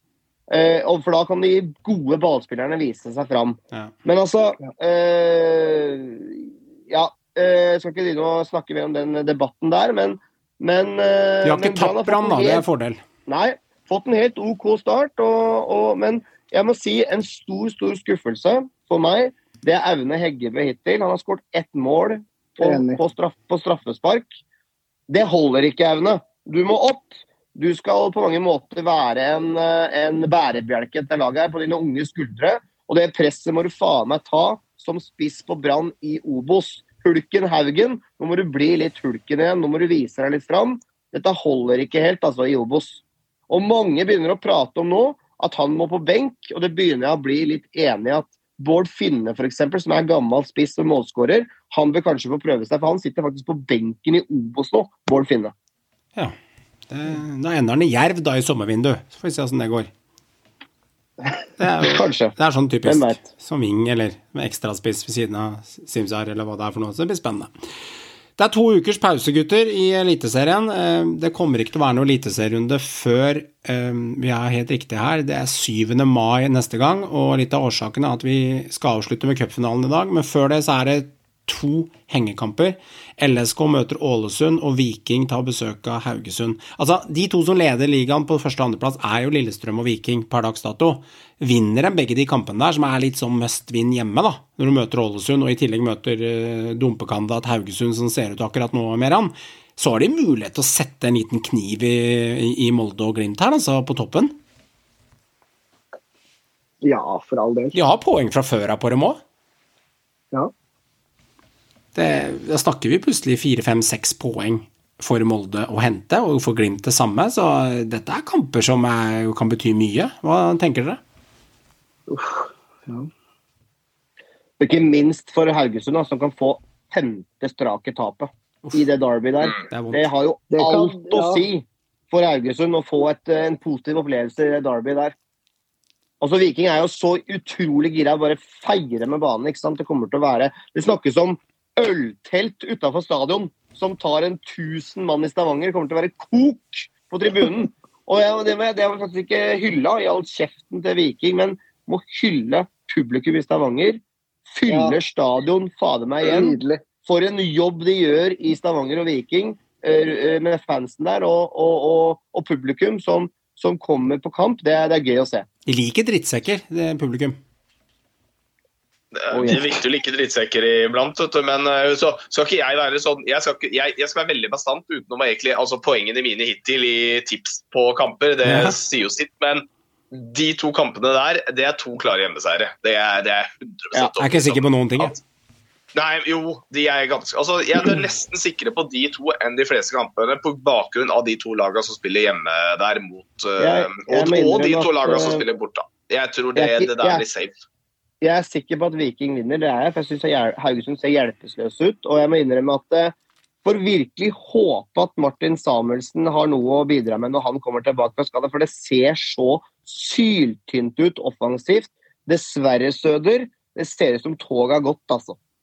Han ser tung ut. Ja. Og dessverre over toppen. Men jeg tror det er Eh, hele ser- Haugesund som lag. Ja, ja, ja, forsvar, men- men altså, når du- midtbane, alt. Når du er spiss Ja, det er ikke bare han, selvfølgelig er det ikke det. Men du er, når du er et sånn lag som så er du avhengig av en spiss som skårer litt mål og bidrar med målpoeng, da. Ja, ja, ja. Det, det, det, det, ser, det ser tynt ut for Haugesund, altså. Fy fader, og de ser svekka ut. Dessverre. Så Ja, vi, vi, Viking vinner den kampen der. Det vil være et, en, et sjokk hvis Haugesund tar poeng der. Det er der. Hadde du vært på, på så greit. Men eh, når det er på Åråsen, så er jeg ganske safe på at LSK kommer til å ta Ålesund. Og selv om Ålesund har sett selvfølgelig ut, så tror jeg jeg tror LSK de har vært så Ja, spilt så solid i hele år at uh, jeg ser ikke noen grunn til at de går på et bananskall hjemme mot Ålesund. Det tror jeg ikke. Men la, Lan, de er er en luring, da. La Lan være er en luring er på sånne bortekamper. Han er jo ingen Ja, han er det. Han er det. Og, og med et bedre fotballag. Så enkelt er det bare. Ja Han kan godt være luring. Lillestrøm kommer Ja. til å, de kommer til å klare å tilpasse seg det, og de kommer til å ta det. Jeg tror Lillestrøm Ja. vinner kampen, og da får Ja. de en god luke som du er inne på. Og det skaper selvfølgelig stress for lag som Bodø-Glimt og ikke minst ja, Molde, eh, som ligger rett bak. Mm. Rosenborg. Ja, men Rosenborg skal jo, er jo ikke der, sier dere. De skal jo ligge der nede i gjørma. Så da, de trenger vi ikke å tenke på. Det er Molde og Glimt som må tenke på det her. RBK er er jo et midt på, midt på tabellen-lag, er de ikke det? Ja, men det er, det er hovedlaget. Det Er, jo- dine ord. Nei, det er jo du som sier at det er ikke der de var en gang i tida. De må innse nå-situasjonen. Det er jo ikke det! Nå må du ta skille sak. Og derfor så sier jeg til deg- derfor sier jeg tilbake at er ikke på niendeplass. Dem, ja, nei, men de trenger jo ikke å tenke på dette. De er jo et femte, sjette, sjuende lag, dem. De har jo ikke noe i toppen av øra de, så det er jo samme for dem om LSK skulle vinne.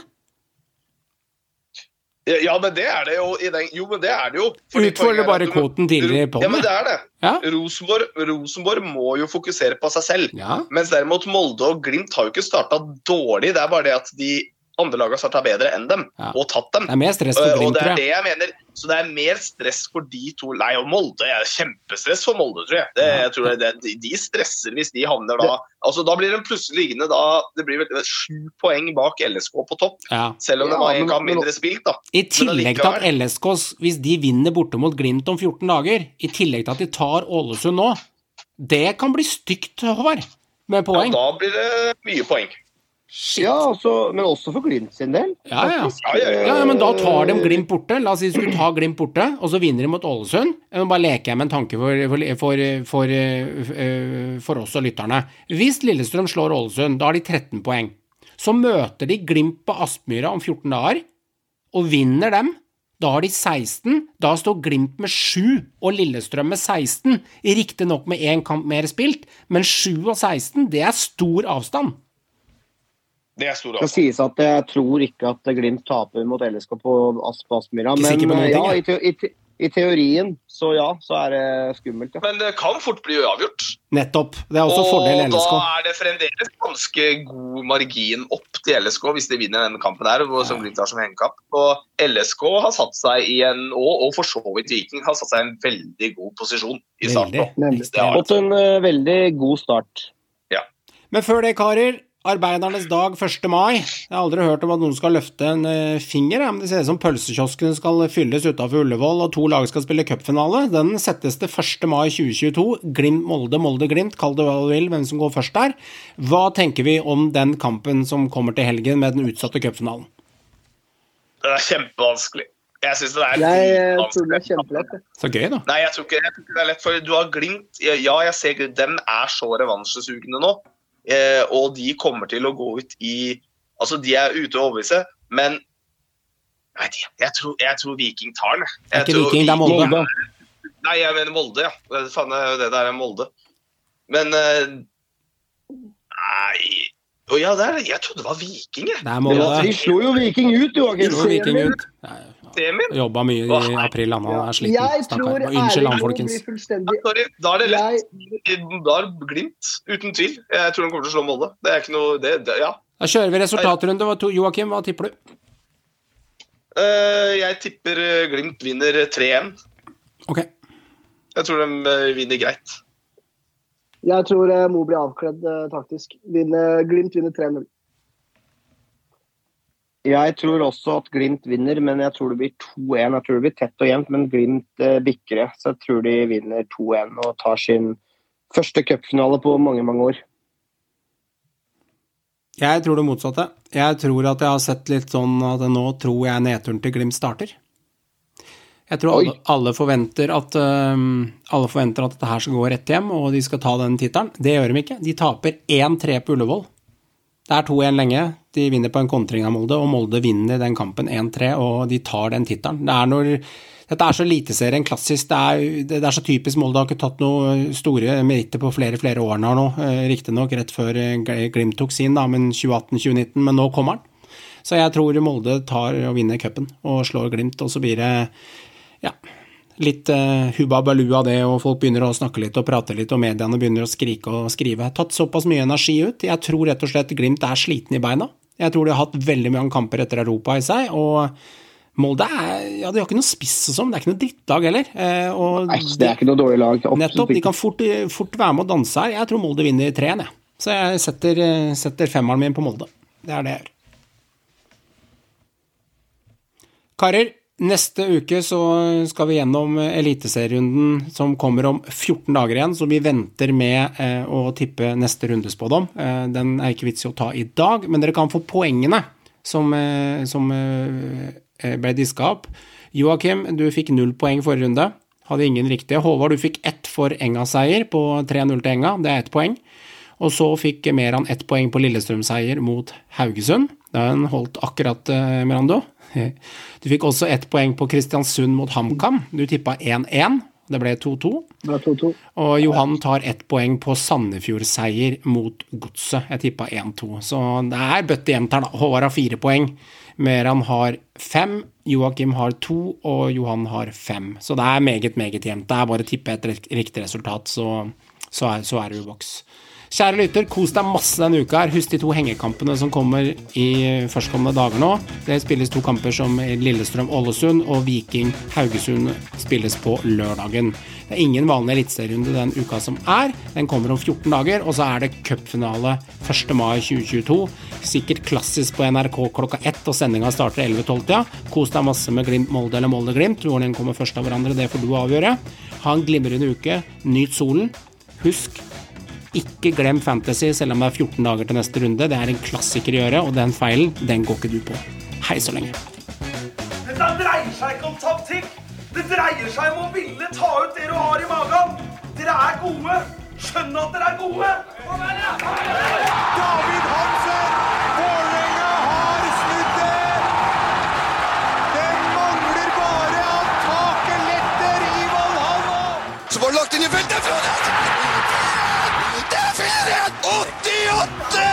88-55 på tavla! Frode Johnsen har skåra tre!